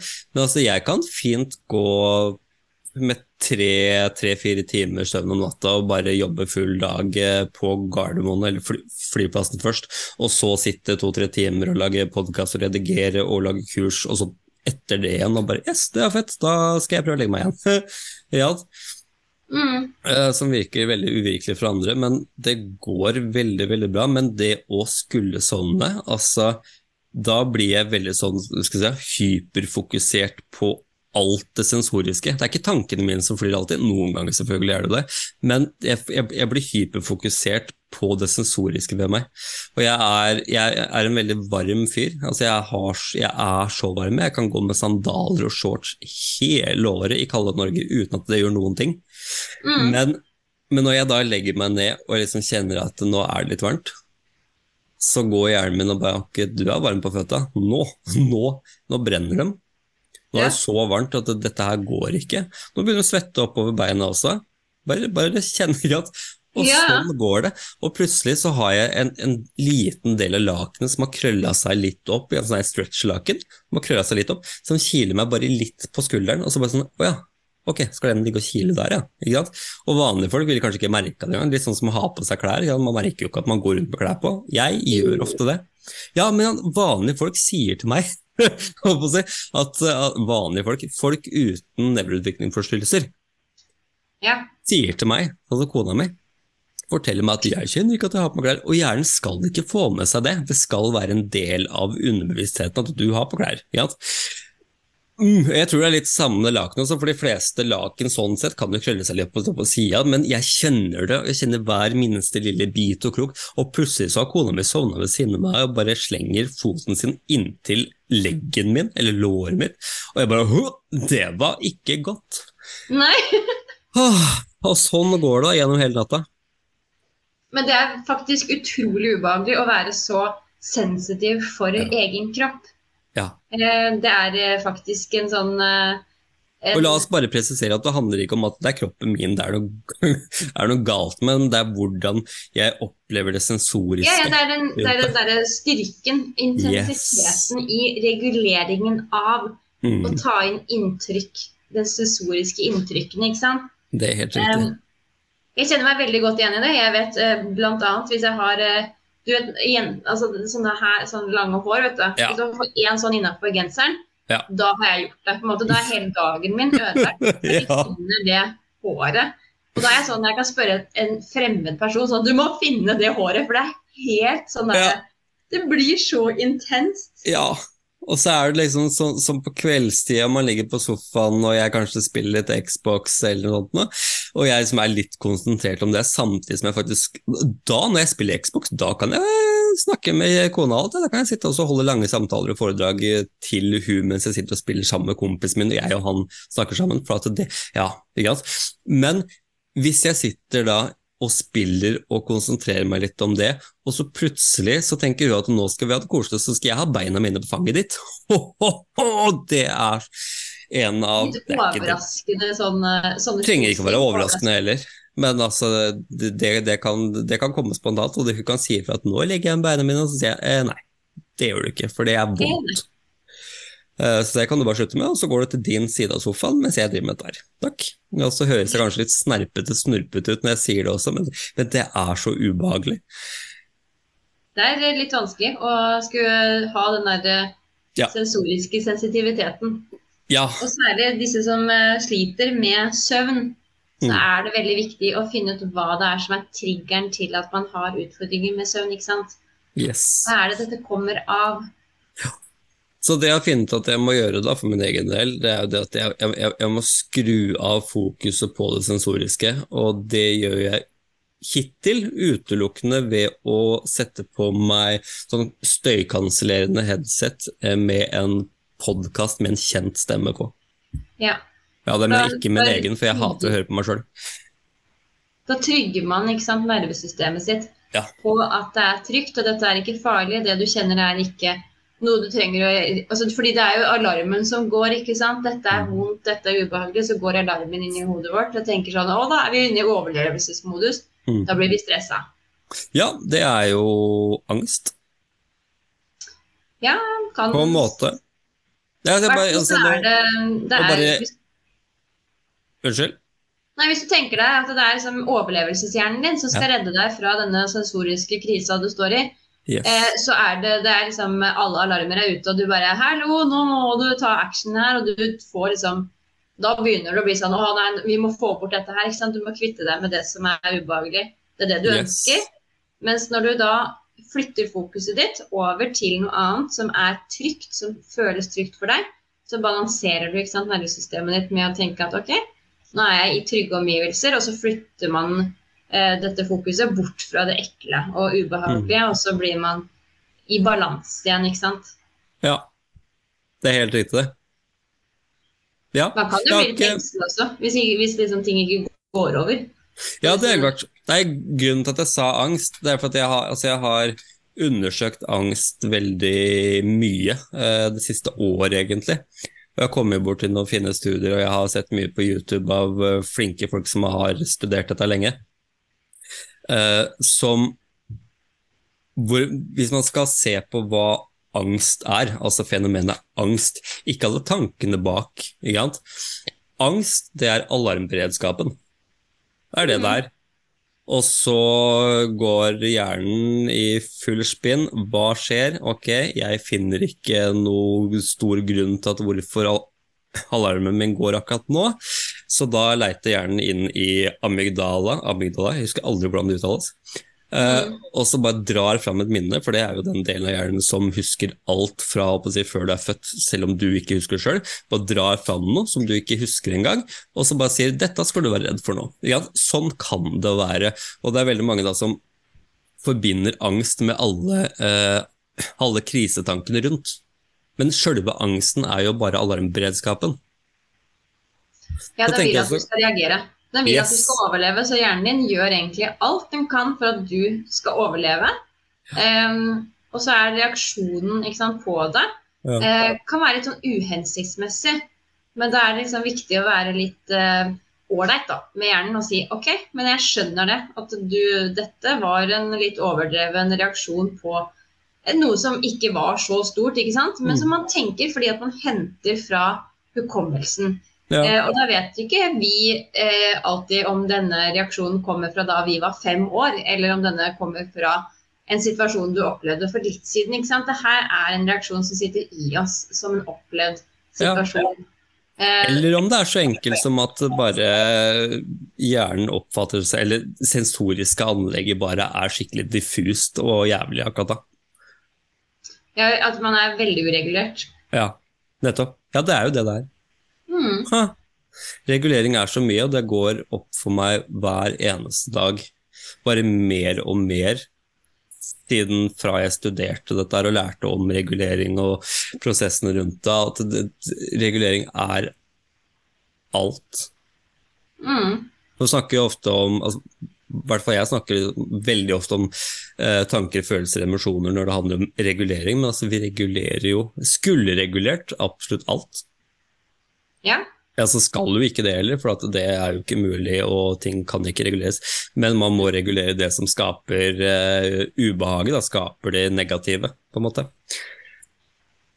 Har du et perspektiv på regulering? Hæ? Har du et perspektiv på regulering? For nå kjenner jeg at jeg plaprer litt.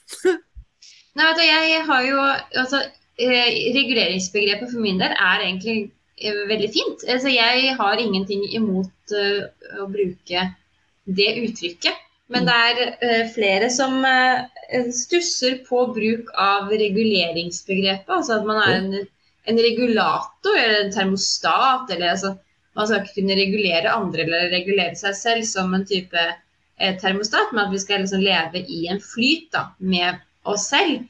Eh, og så skal man kunne nyttiggjøre seg altså av disse variasjonene og så tilpasse livet deretter for at man skal få en bedre fungering.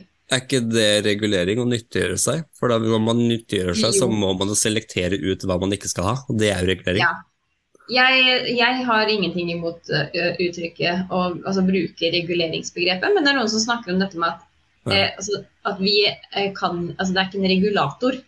Nei, ja. vi, vi, er ikke en termostat. Vi, ikke, altså, vi, vi skal ikke eh, anse oss selv eh, på den måten, da.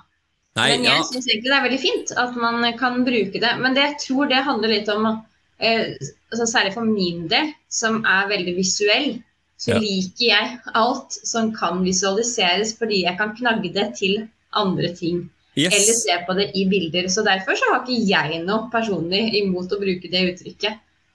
Nei, jeg har heller ikke det, og det var, det var ikke helt nytt. Uh, fordi at jeg følger veldig mange på Instagram og TikTok og sånt, men, men, det var litt sånn, det tok meg litt på senga med at det, det liksom kanskje begynner å bli, eller har blitt en greie. da. For, jeg, for min del så er det livsviktig å mm. drive aktiv regulering på ting jeg ikke skal ha i den situasjonen jeg står i. For hvis ikke jeg driver med den aktive reguleringa, så går det rakt åt eh, vestover hit og dit. Samtidig. Ja, men altså, vi må jo det. Ja, ja, ja, vi må det. Og sånn som du beskrev det også, det, det, er jo det som er regulering. Man skal ikke kalle det regulering, skal man kalle det for Nei, jeg vil kalle spade for en spade, eh, fordi at det er veldig lurt for veldig mange, i hvert fall. Ikke sant? Og Ja, er hvis, eh, hvis ikke jeg kaller det for regulering, så, så må jeg få kalle det for noe annet. da. Jeg kan jo ikke kalle det for Kjell Arne, ikke sant? så det blir jo litt dumt, for det er faktisk regulering det er. Ja, altså det, det interessante er jo også det er, eh, i denne sammenheng altså det, som jeg, det er ikke så lenge siden jeg leste om dette. Det er jo RVTS som har skrevet litt om dette med at mennesker er ikke termostater. De skal ikke reguleres, ikke sant. Mm. Eh, og da Jeg syns egentlig debatten er interessant. Hvor Ja, ja. kommer dette fra? Hva er, hva er grunnen til at noen eh, ikke liker at vi bruker det uttrykket? Eller sånn hvorfor, Ja. hvorfor har dette kommet til en sånn et punkt da, hvor man begynner å skal, altså, lage en debatt ut av det? Ja, Eh, akkurat den, den klarer ikke jeg å regulere Nei, regulere. Den klarer ikke jeg å relatere meg til heller. I det hele tatt, egentlig. Hvorfor? Men debatten, ja. Veldig, veldig interessant. Men sånn umiddelbare tanken min da er jo at det handler mer om nevrotypiske hjerner, som har en mer automatisk regulering enn det vi har. Ja, kanskje det. Det, ja, det var først, det første, første tanken min. For at uh, hvis de skal gå rundt og Nei, jeg må regulere det her, jeg må regulere De kan faktisk gå inn og tenke at ok, hva må jeg forbedre fra sist? Ikke sant? Og da er det jo på en måte ikke, da, da trenger du ikke å dra inn reguleringssystemet, sånn som jeg i hvert fall. Jeg må, i visse situasjoner, så må jeg gå inn ok, var dette greit sist? Ok, hva må jeg justere neste gang? Og drive den reguleringa der i enkelte situasjoner. Andre situasjoner, det kan selvfølgelig gå. Sånn som podkast her, da. Altså, her bare snakker jeg fritt. Uh, så er det sånn her, ja, fra forrige gang jeg gjorde kanskje mye av dette her, kanskje jeg må slutte med det. All right, tar det med til neste gang, så går jeg inn i en ny situasjon uten å tenke noe mer over det. Men enkelte situasjoner for meg, så må jeg faktisk gå gjennom et litt, litt sånn steg for steg-mønster. Var det Ja. greit sist? Må jeg endre på noe? Må jeg justere dette her? Ok, så er jeg i situasjonen, og så regulerer jeg ikke veldig mye, men litt grann sånn Har jeg tenkt på dette her nå? Ja? Nei? Ok, mm. supert. Og så etterpå, og så gå gjennom litt sånn her Ok, blei det bra? Regulerte jeg nok? Ok, ok, Mhm. men, men det blei greit allikevel. Så tar jeg med det til neste gang igjen jeg skal i en lignende situasjon. Liksom, ok, da må jeg huske det fra sist igjen. På, på en måte, da. Og det, det går jo dette er jo ikke noe jeg bruker eh, kvarter 20 minutter på, men altså det går litt sånn her tu, tu, tu, opp i hjernen min, og så er jeg sånn mhm, mindsetet mitt er dette nå. Da skal jeg gå inn. Det går så utrolig fort, vet du. Det er jo det som er eh, det interessante ved det. Ja, ja, ja. Hva tenker Ok. du om uh, at ADHD-hjernen går raskere enn andres hjerne? Altså det, den, det er jo en påstand. påstand. Ja, jeg liker påstanden veldig godt. Eh, men jeg vil også hevde, litt småforsiktig Oi, der sparka jeg bort en stol. Jeg vil også hevde litt småforsiktig at det er feil. Eh, jeg skal begrunne det med at hjernen min den går sinnssykt fort. Mm. Og sånn som jeg noen ganger når jeg blir engasjert her nå, i den samtalen vi har, så merker jeg også at skravla mi prøver også å holde, fart, fa- holde farta til hjernen min, ikke sant. Det gjør den. Mm. Men det er ikke alltid det hensiktsmessig. Og det er ikke dermed sagt at det er den riktige informasjonen i de ledda det burde gått, som går fortere, så da vil ikke interaksjonen min heller gå fortere. Det vil ta lengre tid. Og jeg merker veldig ofte at når jeg er sliten, uh, uregulert eller dårlig regulert, mindre regulert, kall det hva du vil, mindre flyt, hvis vi skal gå dit. uh, jeg skal ikke erte det, unnskyld, det skal jeg ikke gjøre til alle, alle sammen. Uh, men i hvert fall, når jeg da er i en situasjon hvor jeg da kjenner at nå bruker jeg forferdelig lang tid ved, å komme til poenget, ikke sant? Mm. så har jo ikke hjernen min gått fort nok i de prosessene den burde for å komme fram til mål. Den har gått innom veldig mange steder. Ja, det går dritfort, det går kjempefort, men det går Mm. ikke fortere fordi at jeg kommer ikke til målet mitt fortere. Nei, for du kommer innom så mange ting. Ja, ja, og det assosieres jo ut av en annen verden, ikke sant? Hit og dit, og det skjer jo i hjernen min, det skjer når jeg snakker, altså vi har, det vi driver med her er jo egentlig bare en assosiasjonsprat. Jeg elsker jo det uttrykket. Ja, ja. Assosiasjonsbasert prating. Altså, Ja. Det er ikke noe som er deiligere enn det. Nei, det er ikke det. Og jeg er uh, sertifisert art-instruktør. Man kan si veldig yeah. mye om art, men jeg syns det er en del av de holdepunktene i artsystemet som er veldig kult. Og vi hadde en lek som het assosiasjonsball, hvor man da sitter i en sirkel med deltakerne, og så kaster man ball hvor man skal liksom bare, bare, bare si det første du kommer på. Og det som er kult, er at man assosierer veldig mye, og alle kommer fram til forskjellige ting, og det er mye læring i det. Men hva som skjer etterpå, når man skal gå tilbake til plassene sine for å fortsette treninga, eller fortsette artstrukturen, så kommer man alltid innom ah, du assosierte det ut ifra det, og så kommer praten om det også. Og det syns mm. jeg er fett, for da assosieres det videre igjen. Og noen ganger, jeg driver med dette på skole, sett, jeg har hørt litt sånn i forbifarta i, i friminutt, sånn, hvor elevene også har snakka videre om dette her. Mm. Det syns jeg er fett. Jeg syns det er veldig kult når man har en eh, sånn assosiasjonsprat med nevrotypiske mennesker som eh, kan være med på det lite grann. Eh, ja. Fordi de, de henger på en stund. Ja. Og så blir det på en måte en sånn Det går jo fart, ikke sant. Fra ja. tema til tema, og man fullfører temaet uferdig, og så går man videre, og så eh, kan det jo bli sånn utfordrende å høre på. Men det er så kult å eh, observere hvordan de da forsøker å trekke tilbake til hovedtemaet, eh, og så starte den Eller eh, altså gå, spinne videre da, på den ja. samtalen. Og personlig er jeg da ferdig med det temaet. Så jeg syns det er veldig vanskelig å hente tilbake til det temaet hvis ikke, eh, hvis ikke det er sånn at det er egentlig er en av mine store interesser. ikke sant? Ja. Fordi man er jo litt sånn snever i hvert fall jeg er oh, litt sånn snever i. Det skal jeg være helt enig i. Det er jeg også. ja, så det her med å, Når jeg blir hentet tilbake igjen eh, ja. til eh, hovedutgangspunktet, så kan jeg synes at det er vanskelig. Ja. Jeg vil spinne videre på den tanken der litt, for jeg la fram en ganske sterk påstand, jeg tror det var på Instagram-profilen min, om at jeg, altså jeg, personlig jeg liker veldig godt å ha flere plattformer å snakke på. Ikke bare at jeg har en podkast og jeg har sosiale medier, og sånn sett, men hvis du og jeg skal ha en ø, vanlig samtale om noe vi skal samarbeide om, f.eks. Øh, på Instagram DM, mm. og så mm. plutselig vil jeg snakke om noe annet, så syns jeg det er kult hvis jeg kan fortsette en, en spinne av den litt på Messenger, f.eks. Ja, ja, ja. Ikke sant? Og holde på flere forskjellige kanaler, bare holde det gående. Men ja. påstanden min var da at det kan jeg gjøre helt fint, men nevrotypiske får ikke det til, og vil gjerne komprimere det tilbake igjen til der hvor vi starta. Ja. Så avslutter de den tråden, avslutter den tråden, avslutter den tråden, for å komme tilbake igjen. Og da er, Men det er veldig vanskelig å systematisere, ikke sant? Ulike ja. samtaler. Hvis alle samtaler skal gå i én samtale, det er mye yes. enklere å ha én samtale på Snap, én samtale på Messenger, én på Instagram DM. Eh, og så har man ulike temaer, ikke sant? Yes. Det er god systematisering. Deilig, deilig. for en sånn Det er det. det, er det. Og for alle som lurer der nå, ja, det er med samme person på nøyaktig samme tidspunktet. Det er det. Ja. Det er bare ulike temaer. Man ja, har bare ulike temaer i hodet samtidig, ikke sant? så kan man dele alle de temaene. Ja, og jeg tror ikke sånn som eh, ja, venner og kone og alt Jeg kunne ikke sittet her og hatt denne småintrikat samtale om veldig mye forskjellig. Hvor vi, jeg kunne ikke sitte og hatt den med hvem som helst, og de bare blir med og blir med. Ja da, ja da, ja da, bli med, hør nå, bla, bla, bla. Så, sånn som du og jeg har, har gjort nå heller. Uh, fordi jeg tror de blir litt slitne av det. Og sånn sett kanskje gå tilbake igjen til at hjernen vår går fortere.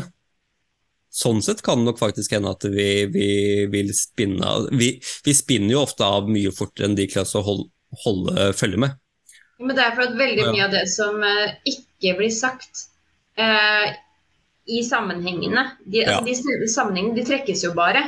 Så jeg trenger ikke å si til deg uh, alt sammen, fordi det blir en sånn Det trekkes jo naturlig, ikke sant, disse sammenhengene. Ja. Så blir de usagt, de tingene. Og det er jo problematisk for de som trenger at alt skal bli sagt. Yes. Når man sier halvparten. Ikke sant? Det er, det er helt riktig. Det er jo ikke lett. Nei, det er ikke det. Så jeg er litt spent på nå, for, uh, for det er jo en podkast, jeg glemmer litt av noen ganger. Du som hører der nå, kan ikke du gi meg eller Anne Marte en DM uh, eh, på våre sosiale medier? Vi skal komme tilbake til det litt uh, mot slutten, tenkte jeg. Men tilbake til DM. hvordan syns du det er å følge med, og holde følge med samtalen som vi har nå?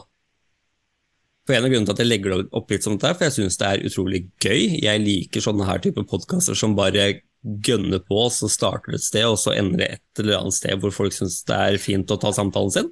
Jeg syns det er skikkelig gøy. Men du som hører på min podkast, hvordan syns du det er å høre på sånn her type samtale? Sleng inn en DM. Det, det, det er fett. Åh, nei, det syns jeg var gøy. Og jeg ble så... At du tør å spørre om det. Hvordan er det egentlig ja, Det er kult at du tør å spørre om det. Hvordan er det å lytte til en samtale som, eh, som bare er assosiasjonsbasert? Nesten. Ja. Det er jo bare tema til tema til tema ut fra ja, hva vi snakket om. Altså, litt av uh, grunnen til at jeg starta den podkasten her, var jo på en måte kun for å snakke om temaer jeg syns er gøy. Mm.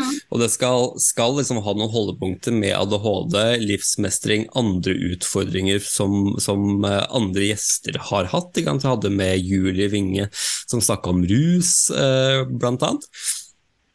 Og så prøve å mm. komprimere, ikke komprimere det, men prøve å gjøre det så gjenkjennelig for så mange som mulig. Så hvis du har problemer med rus, så liksom har du en samtale der med Julie som du kan hekte deg på. Ja? Har du ADHD og blir med på denne typen greier her, så, så, er det, så, er det, kanskje den samtalen her du henger deg mest på. Og hvis selvfølgelig vil du ha kontakt, så vil du ha kontakt. Men altså ha noen sånne gjenkjennbare ting gjennom hverdagen, eller hver fredag før man går inn i helga. Eh, for altså, Jeg legger merke til at det er veldig mange som legger ut podkasten sin på enten mandag eller onsdag. Men jeg liker å høre podkast på fredag, for det er en del av min regulering fra hverdag til helg. Ja. ja. Så jeg er veldig opptatt av at man skal legge fra seg ukas strabaser og gå inn i helga på en, en, måte som er god for deg og familien din. ikke sant? Ja. Uh, og det kan være veldig vanskelig, men for, for meg så handler det litt om å høre på litt podkast og så gjøre sånne ting som jeg syns er fint. da. Eh, du lager men, en overgang, altså en tydelig overgang for deg selv. Det er nettopp det, for overgangssituasjoner er jo fryktelig vanskelig for veldig mange med altså, jeg, jeg vil påstå de aller aller fleste med nevroutvikling forstyrrelse, og det ser man jo igjen gang etter gang fra barnehage til krybba, krybba skjønner du, til, til, til, til døden. Ja. Nå begynner det å bli seint her, fordi du og jeg begynner å Nå begynner det å bli sånne rare ting som kommer ut av ja, oss. fra barnehage til krybbe. Yeah. Ja, ja. Ja, nei, men i hvert fall, jeg eh, assosierte meg dit, og så husker jeg ikke hvor jeg var. Men det er så gøy. Men du Overganger. Ja, ja, overganger var vi på. Og det, mm. det, er jo en utfordring. Og selvfølgelig, man må ha en god overgang, altså en god regulering, inn i en annen situasjon. Og man må ikke, må ikke misforstå det hvis du har hjemmekontor med at jeg er jo hjemme, så er det ikke en ny situasjon. Jo, fra uke ukedag til helg, eller fra fredag klokka fire til fredag klokka to over fire. Da går man til en ny overgang hvor man skal ha helg, ikke sant. Mm. Uh, det, det, er veldig veldig viktig. Så for meg så er det podkast-tid, og derfor har jeg satt den til fredag. For kanskje flere syns det, det er en veldig fin ting. Mm. Men jeg, jeg, jeg, vil også, altså, tanken min om podkasten er at den utvikler seg jo hele tida. Jeg har lyst til å ha med så veldig mange mennesker, og det er veldig mange mennesker som kommer med også. Men jeg har ikke lyst til at det skal bare være en sånn her informasjon, informasjon, informasjon, informasjon, for det syns jeg kan bli veldig slitsomt. Jeg syns informasjon informasjon er utrolig gøy, men informasjon hele tida, det kan bli fryktelig slitsomt.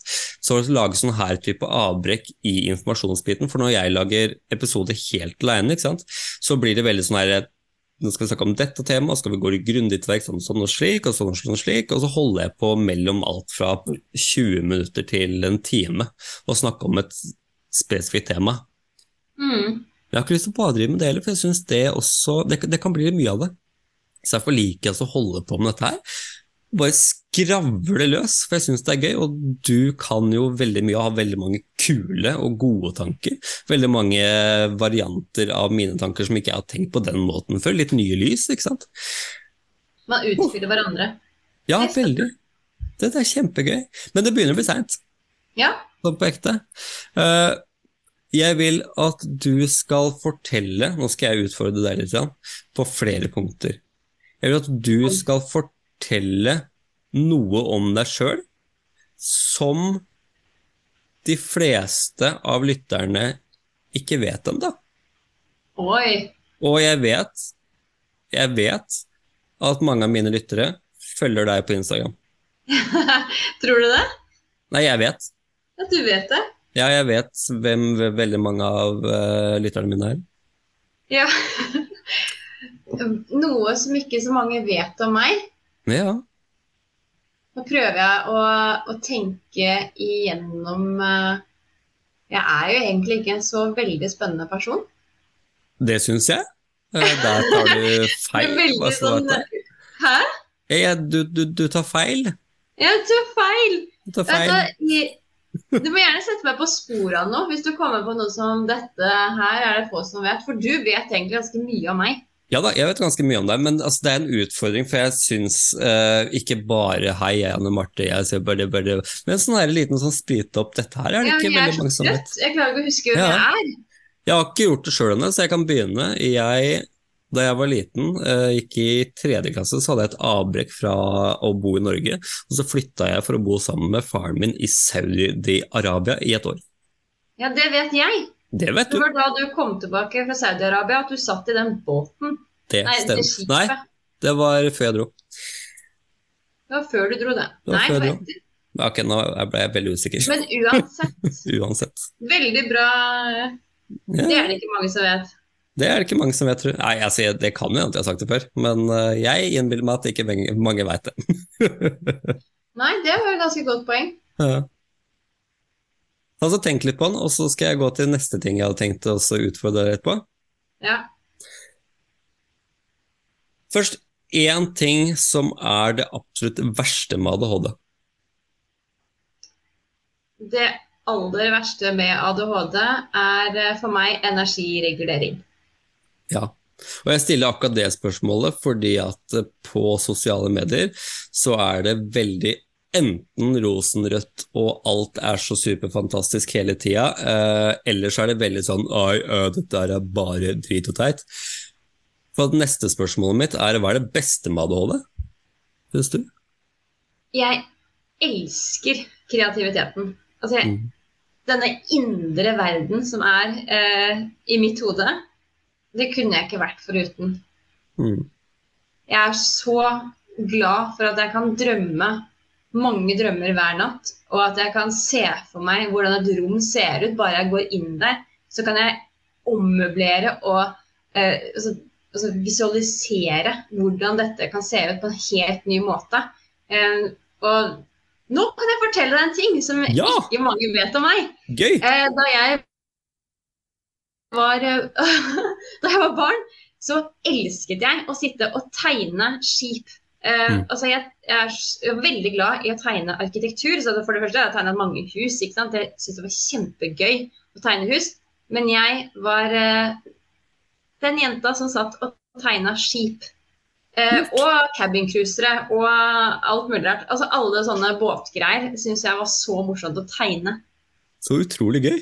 Mm, for jeg ser for meg bare en sånn liten boks, så kan jeg se for meg hvordan den ser ut inni. Det, På det, mange måter. det er kult. Det er utrolig gøy. Nei, det, det, det hadde jeg faktisk ikke tippa. Nei, men Så utrolig gøy. Og så vil jeg sånn helt avslutningsvis, for at eh, vi eh, har jo e- egentlig ikke hatt veldig mye kontakt de siste, siste åra.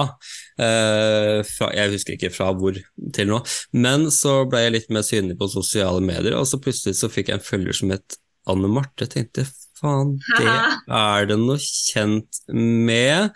Jeg kjenner ansiktet, og så er det sånn her, ja. Og så er det så, når jeg ser på telefonen min på, på på Instagram så er jo profilbilder er jo veldig, veldig lite. Så, så, så, sånn, ja, men er det Men, ja, men er, er det mm. Og så viser det seg at det er jo deg, ikke sant? Ja, ja. Og så har vi snakka veldig veldig mye sammen, syns jeg i hvert fall. Eh, ikke negativt, men altså, vi har, vi har snakka mye sammen eh, om veldig, veldig mye. Og så Vi har, mye, vi har mye felles interesser og mye sånn Veldig glad i å bare belyse ting. Sånn Ja. Har du sjekka ut det? Har du tenkt på det? Yes. Har du gjort det? Og det er så kult å ha noen sånne som holder på med, for det er ikke alle som blir med på dem. Nei. Det sånn. Men, men. Ja. så snakka vi sammen, og du også eh, hadde lyst til å starte et eh, firma. ja. kan du snakke om det du gjør, ikke spoler noe eller noe. Snakk om det du gjør, og fortell om eh, sosiale medier og alt du driver med. Bare sånn så alle kan høre det, for jeg syns det er kult. Hva jeg driver med? Altså, jeg oppretter jo da din pedagog, for det første, fordi at jeg er spesialpedagog. Mm. Og jeg, jeg virkelig digger det jeg driver med. Det er, eh, det er på en måte noe jeg alltid faller tilbake på. Så er det pedagogikken. Det syns jeg er spennende.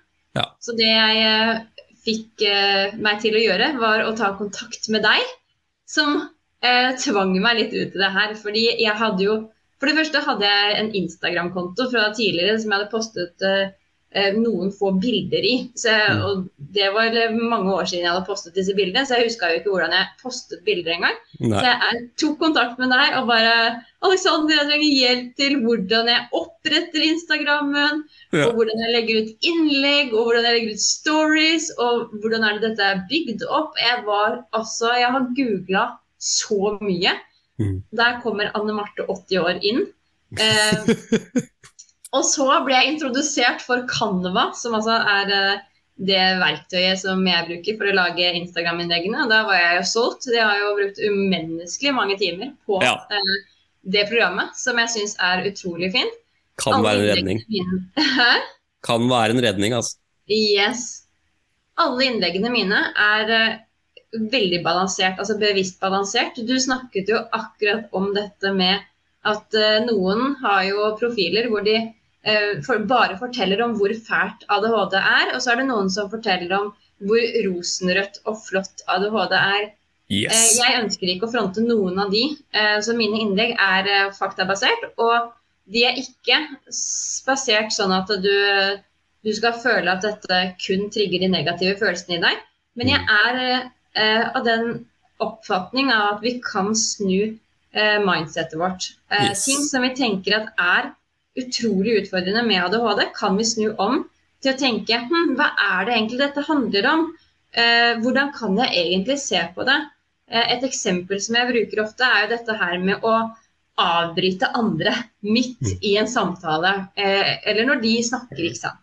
Så avbryter man andre, eh, så kan man jo tenke at at dette er uhøflig, det er ikke som man burde gjøre. Eh, jeg er skamfull fordi at jeg igjen eh, avbrøt noen som er midt i en samtale. Og så kan man snu dette til ok, hvordan kan jeg forstå dette på en ny måte som gjør at jeg beholder min selvfølelse?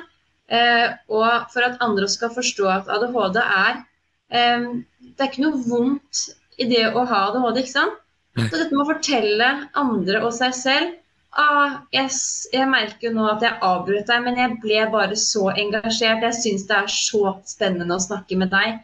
Og så hadde jeg veldig lyst til å fortelle deg dette før jeg glemte det, fordi jeg har eh, litt, eh, litt vanskelig med arbeidsminnet i dag. ikke sant? Så har man jo både skånet seg selv og forklart andre litt hva ADHD handler om. Eh, og det er der jeg ønsker at vi skal være. Jeg ønsker at vi skal stå stødig i oss selv. Forstå hva ADHD er. Altså, denne selvforståelsen, hva er det dette handler om? Eh, jeg har ikke lyst til å være den personen jeg var før jeg fikk ADHD-diagnosen, som tenkte at eh, jeg får ikke til noen ting. Jeg eh, er eh, altså, uhøflig. Eh, altså, jeg er uregulert. Sånn, altså, aktivitetsmessig var jeg hyperaktiv hele tiden. Eh, hadde jo utfordringer med eh, emosjoner. Eh, følte at jeg alltid var sint eller irritert, eller hva det måtte være for noe.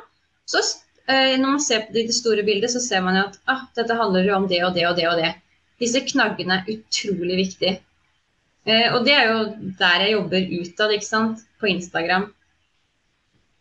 Og så er det jo nettsiden min, som er eh, Der, altså der ligger jo alt ute.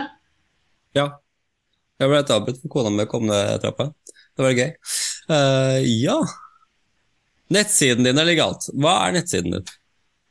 Eh, Nettsiden min det er jo plattformen jeg bruker for å altså, fremme Nei, det fortell. jeg har. Dobbelt til dobbelt til dobbelt. Hæ? Ja, og nettsiden min det er ja. www.dinpedagog.no.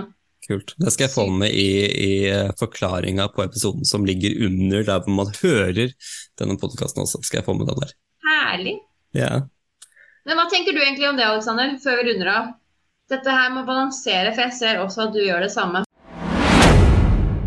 Vi ble litt avbrutt av at jeg gikk tom for strøm på PC-en min, for at jeg husker aldri å bruke harddisk når jeg tar opp lyd på den måten her. Det... Men du hadde spørsmål. Du begynte Hva tenker du om? Og så husker jeg ikke. Jo, jeg lurer på hva du tenker om dette med å balansere det som er utfordrende, med uh, dette som er egentlig ganske fint med ADHD, og, og kunne omforme det utfordrende til noe som er forståelig på andre. og ikke fullt så negativt da, med tanke på selvfølelsen vår. Yes. Eh, jo, altså, jeg gjør jo veldig mye av det du også gjør, med å belyse jeg, jeg, belyser begge sider. Men jeg prøver også å komprimere det til én post. Så jeg tenker liksom hva, hva er det jeg driver med nå? Er det noe utfordring jeg har hatt i det siste? Der, der starter jeg ofte i min prosess. Og så, og så tar jeg en tanke eller en ting jeg har gjort, eller noe, og så, og så, og så prøver jeg å finne ut okay, hvilke eksekutive funksjoner er det som har vært i sving her nå. Hva blei negativt, ikke sant? men hvordan kan jeg bruke det til en positiv ting igjen? For det jeg snakker veldig mye om med mennesker i veiledningssituasjoner, da, eh, mm. om, det er jo de, de, de, de, kommer jo ikke til, til oss fordi at liv er rosenrødt og alt leker. De kommer nei. til oss for at de har utfordringer med å takle et eller annet i eh, sin opplevelse av seg sjøl eller verden eller sin ADHD som skurrer, ikke sant? Mm. Og når de kommer at 'jeg har kjempeproblemer med dette her', og så går vi sånn ok, men hva er det problemet egentlig bunner i? Og så lærer vi om eksekutive funksjoner, lærer om den eksekutive funksjonen der, lærer litt om uh, dopaminet som er i sving, ikke sant. Så lærer litt om strukturene som gjør at det skjer. Mm. Og så går jeg inn fra en annen vinkel, som kanskje er men hva er det den eksekutive funksjonen vi akkurat snakka om nå, gjør seg positivt, da, ikke sant? Altså, mm. Dette er jo ikke en prosess som tar to minutter, det tar jo litt tid. Men hva er det i den eksekutive funksjon er som er, som er bra? Som gjør at du mm. er eh, den personen du er når du eh, er ute med venner og har det veldig, veldig gøy, ikke sant? Eh, sånn for min egen del så, så kan jo det handle om at jeg er veldig hyperaktiv. Jeg har en veldig hyperaktiv kropp og en hyperaktiv hjerne. Og noen ganger så blir det veldig veldig mye, og den hyperaktiviteten der, den gjør bl.a. at jeg kan ligge og holde kona mi våken når hun egentlig burde sovet. Nå ser hun på meg og gir meg fingeren, og jeg skjønner det veldig godt, for det må jo være veldig plagsomt å ha en sånn en. Og så er det det med impulshemminga mi også. Eh, som gjør at jeg klarer også bare å holde hun våken. Da. Eh, uten, og så blir jeg kjempelei meg for det. Men så kan jeg gå i meg sjøl og tenke ok, men hva er det med, med, med den hyperaktiviteten som er bra, da? For da får jeg veldig dårlig selvfølelse med hyperaktivitet. Men så kan jeg sånn, hva, hva er det som er bra? Ok, jeg har fantastisk god stamina når det gjelder å, å, å, å hva skal jeg si, uh, drive med hyperfokus, for eksempel. For jeg har en veldig sterk teori om at hyperfokus det er veldig mange forskjellige elementer sammen, og, og, og, og hyperaktivitet er en del av det. Ja. Uh, så jeg prøver også å finne de tingene, og det går igjen i veiledning, det går igjen i kurs jeg har hatt, det går igjennom i, i workshop jeg har hatt, og jeg prøver liksom belyse, for jeg også, når jeg begynte med dette her, jeg begynte egentlig hele ADHD-hodekontoen min med at da jeg fikk diagnosen, så var det ikke noe å hente. Jeg fikk et klapp på skulderen av, av psykiateren og en boks med Ritalin med et lykke til. Og så gikk jeg på Facebook for å finne grupper, og da var det mye negativt og veldig mye medisinprat eh, fra mennesker som ikke skal snakke om medisin høyt. I hvert fall ikke i et så stort forsamling som det.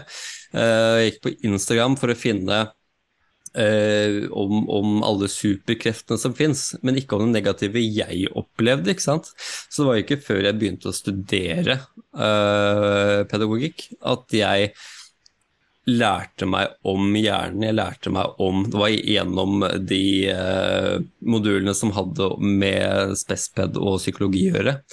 Vi lærte om ADHD og nevroutviklingsforstyrrelser, egentlig, at jeg skjønte rekkevidden av alt dette her. Og jeg som fokuserte mer spesielt på Instagram, egentlig. da, så bare så Enten så var det helt krise, eller så var det rosenrødt. Og det var ingen gode forklaringer på hvorfor det er noen av delene. Det bare er ADHD er dette, ADHD er dette. Men så blir det veldig individuelt. Så jeg gikk inn i dette her med en tanke om at jeg må spre kunnskap om hva ADHD faktisk er. Hva er ADHD? Så jeg begynte der helt sånn ADHD handler om eh, impulsivitet, hyperaktivitet og ja, Og så forklarte jeg om de tre begrepene der, og så gikk jeg videre med å forklare om at uh, Se det på helt første innlegga jeg la ut, nesten de helt første. Det var, det var dette her. Så mm. begynte jeg å forklare om hva hyperaktiviteten er. Og da gikk vi inn på at vi må bruke disse executive-funksjonene her for å forstå hyperaktivitet, og så må vi bruke disse her for å forstå sånn, og så må vi se sammenhengen i dette. her. Og da måtte jeg forklare veldig sånn bam, bam, bam, bam, bam. Dette her er eh, kognitiv fleksibilitet. Bam, bam, bam, bam. Dette her er ja, Og sånn fortsatte jeg. Og folk begynte liksom øh, Ok, men hva betyr det for meg? Og så videreutvikla jeg det videre med et lys om at ok, vi starter kanskje med at du har en utfordring, men hva er den positive siden man kan dra ut av det på den andre enden? Eh, noen ganger når jeg legger ut sånn, sånn, sånn, ADHD er Og så har jeg mange sånne ting som ADHD er. Noen av dem er positive, noen av dem er negative. Og noen ganger så legger jeg med en forklaring under bildene om at eh, ADHD er veldig forskjellig for veldig mange, og eh, det viser seg for samme tingen i ADHD kan vise seg forskjellig ut ifra hvilken situasjon du er i og hvilken sinnsstemning du er i. Ja, på full pakke. Uh, nå i det siste så har jeg lagt ut veldig mange av mine personlige historier uh, med mine nederlag, rett og slett. Fordi at jeg tror kanskje det vil gagne andre å høre dem litt. At mm. jeg er ikke perfekt. Og jeg hadde en til veiledning en gang som uh, hvor Jeg husker ikke nøyaktig hva det var vi snakka om, vi snakka om en utfordring som vedkommende hadde. Og så sa jeg at ja, men det, sånn er det for oss alle. Dette her sleit jeg med i går. ikke sant? Og han bare å ja, kanskje ikke jeg burde lært av det allikevel. Og det som går inn med at, eh, at jeg har utvikla meg strategier, at jeg skal lære dem å utvikle strategier, det handler ikke om at jeg mister ADHD. Det handler om at jeg har gode nok uh, verktøy til å snu den til noe positivt, eller stoppe med det. Altså, ikke sant? At jeg har mm. vært det for å komme meg videre i livet, og ikke la det bli noe stort som vil, vil skade meg, på noen måte. Det er det, eh. jeg fikk samme spørsmål, Alexander, om ja. Eh, ADHD-vennlig liv. Ja. Eh, som er mitt altså, Det var sånn jeg la mitt liv. Mm. Og så var det noen som spurte sånn Ja, men når du da, da, er du på en måte ferdig, da, når du har liksom lagt om det livet. Så jeg bare Nei, det er en uh, daglig altså, ja. daglig øving og en ja. daglig prosess. Og det er jo en livsstilsendring. Og du slutter jo ikke med en livsstil selv om du har, uh, altså, er, har gjort om noen endringer. ikke sant? Du slutter jo ikke å gå tilbake og tenke at du fortsatt har gjort denne livsstilsendringen. Den må jo gjøres hver eneste dag. Yes. Vedlikeholdet. Yes. Ja, det er jo bare en modifik modifikasjon på deg sjøl, eller en level up, mm -hmm. på en måte. Ahaha, jeg dro den dit.